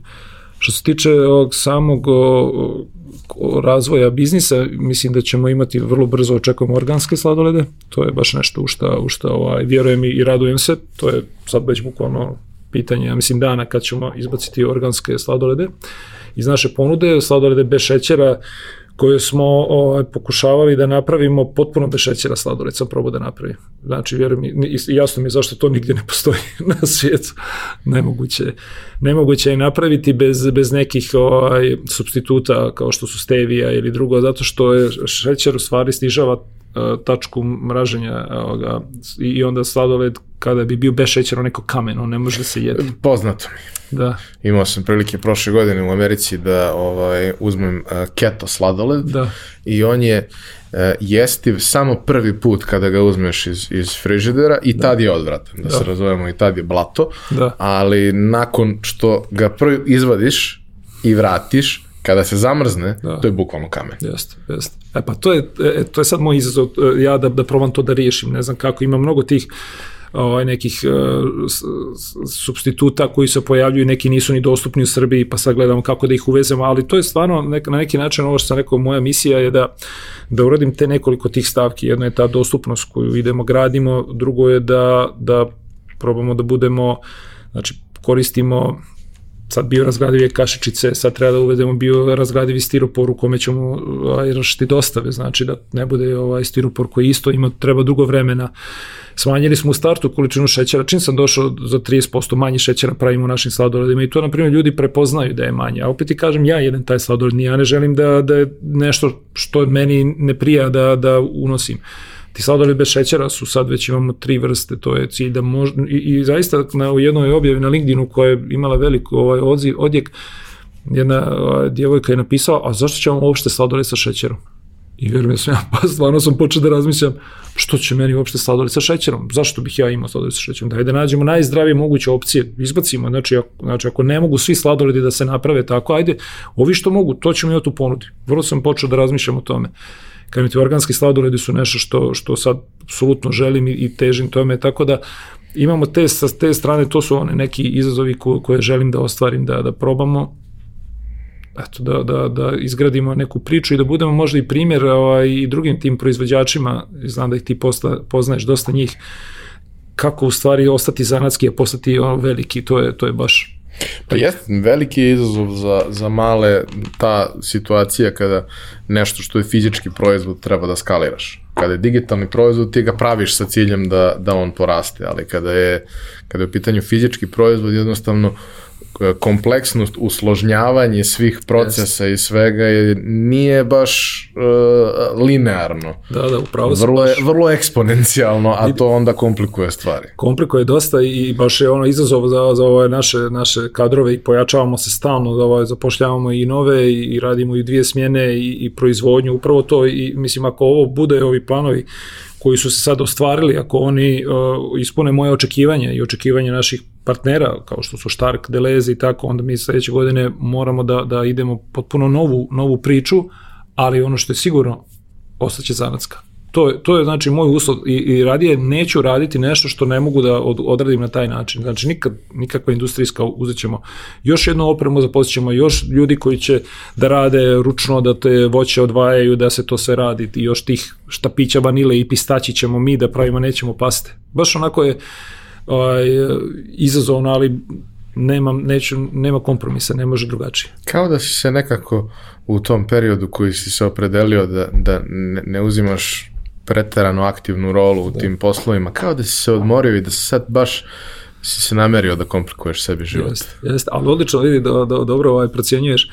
Taj period ne mogu da kažem da sam samo propustio, eto između ostalog sam se zaljubio u taj američki futbol, onda dobio sam djecu, četvro djece imam, vrijeme koje sam proveo s njima ne bi sigurno mogao da sam nastavio i, i na neki način ti imaš tu fazu u životu, ja zaista vjerujem u njih neke cikluse i ti znaš dobro da bi negdje mogu da, da dohvatiš nešto što je visoko, nekad moraš da čučneš, nekad moraš da se odmoriš. I shvatio sam da ne treba da budem strog ni prema sebi, ni, ni za taj period kad, ni kad sam nešto previše jurio i radio, a sad stvarno kao da imam tu neku ovaj, želju da, da vratim dosta toga što sam i, istekao, to neko moje znanje i neko moje iskustvo. Ja u stvari želim kroz taj neki moj primjer sa, sa Moricom da ostvarim, da pokažem da je moguće nešto uraditi, da je, da je to moguće. I, I sad koliko su to, taj, taj moj background, ta moja poznanstva, taj neko opet poštovanje, da kažem, koji imamo ljudi iz tog svijeta biznisa, za, za to što je moja prethodna karijera bila, koliko mi pomaže, sigurno dosta. Ali trudim se mnogo. Ne, ne radim, ne, dož, ne uzlavljam ništa zdravo za gotovo. Znaš šta, ja mislim i da je jako važna lekcija i to da ako do 50. godine ideš sa 130% gasa, da. nećeš baš tu 50. doživeti uh, zdrav, uh, spreman, sposoban, potpuno, da kažem, zadovoljan, nećeš doći u poziciju da tada možeš da daš najbolje od sebe kada znaš najviše. Doći ćeš do toga da ako si čitav i zdrav, da ćeš biti potpuno potrošen. Da, da, Tako da, da mislim da, da pozicija, ovaj, kako si ti to odigrao, nije uopšte, nije uopšte bila loš izbor. E, za sam kraj, e, voleo bih samo da, da podeliš nešto više i o svim onim stvarima koje radiš, a koje nisu vezane toliko za posao. Ok, pričali smo o američkom futbolu, ali jedna od stvari koju ti e, daje mogućnost da si finansijski nezavisan, stabilan, uspešan, je da možeš da podržavaš i ulažeš u stvari koje su tebi lično važne, a o njima nismo danas pričali do, do ovog trenutka, pa bih voleo da, da podeliš neke od njih, jer mislim da i to jako dobro opisuje ko si ti zapravo. Hvala ti na, na, na toj prilici. Ja sam nekako cijeli život, opet kažem, majka je ovaj, nastavnica srpskog i volio sam i da književnost i to mi je uvijek bilo ovaj, nešto što volim knjige i, i uživam u tome, ali nekako mi je Vasko Popa kao pjesnik ostao, obilježio mi je život u tom nekom periodu mog kažem, tinejdžerstva i kad sam bio i na fakultetu, nekako ta njegova poezija, način koji radi, mnogo mi je ovaj, značili. Kad sam došao u Beograd, on je nažalost umro relativno brzo i onda sam, eto, par puta otišao i na, na grob njegov, onako vrlo nije, nije značilo mi je neka ta veza koju imam sa njim i sa njegovom poezijom. I onda je godinama je ovdje u Srbiji ovaj, postojala ta nagrada Vasko Popa pjesnička koju je dodijelio Hemofarm i ja kada sam postao broker i postao onako, da kažem, ozbiljan igrač i sarađivao sa Hemofarom. Svo vrijeme sam bio ljubomoran na njih, što oni dodjeljuju tu nagradu, kao, što su oni sponzori te nagrade. Sjećam se, bio sam na moru ovaj, i, i odjednom u Crnoj Gori, odjednom novine koje kupim i kaže Hemofarm prestaje da bude sponzor nagrade Vasko Popa. Ja gledam i ovaj čovjek koji je to napravio, tu nagradu, koji je održavao taj plamen, kao eto nema sad donatora i ono i ja na telefon i pola sata sam dok sam našao kontakt tog čovjeka i pozovem ga gospodin Dragoljub Đorđević jer gospodin Đorđević kaže da reko Rader Kočić ovdje ja bih htio da budem sponsor nagradu umjesto Hemofarma I on onako ko zbunjen, kao stvarno rekao, da, pa kako to ja želim, ja imam svoju firmu i meni bi to bila čast. I on kao, jo, dobro, kao to je, to je neverovatno. I ovaj, ovaj sad anegdota, on, on to zna i ja sam ostala mi ta navika iz brokerskih dana, ja ne prekinem vezu odmah, nego ostanem na vezi.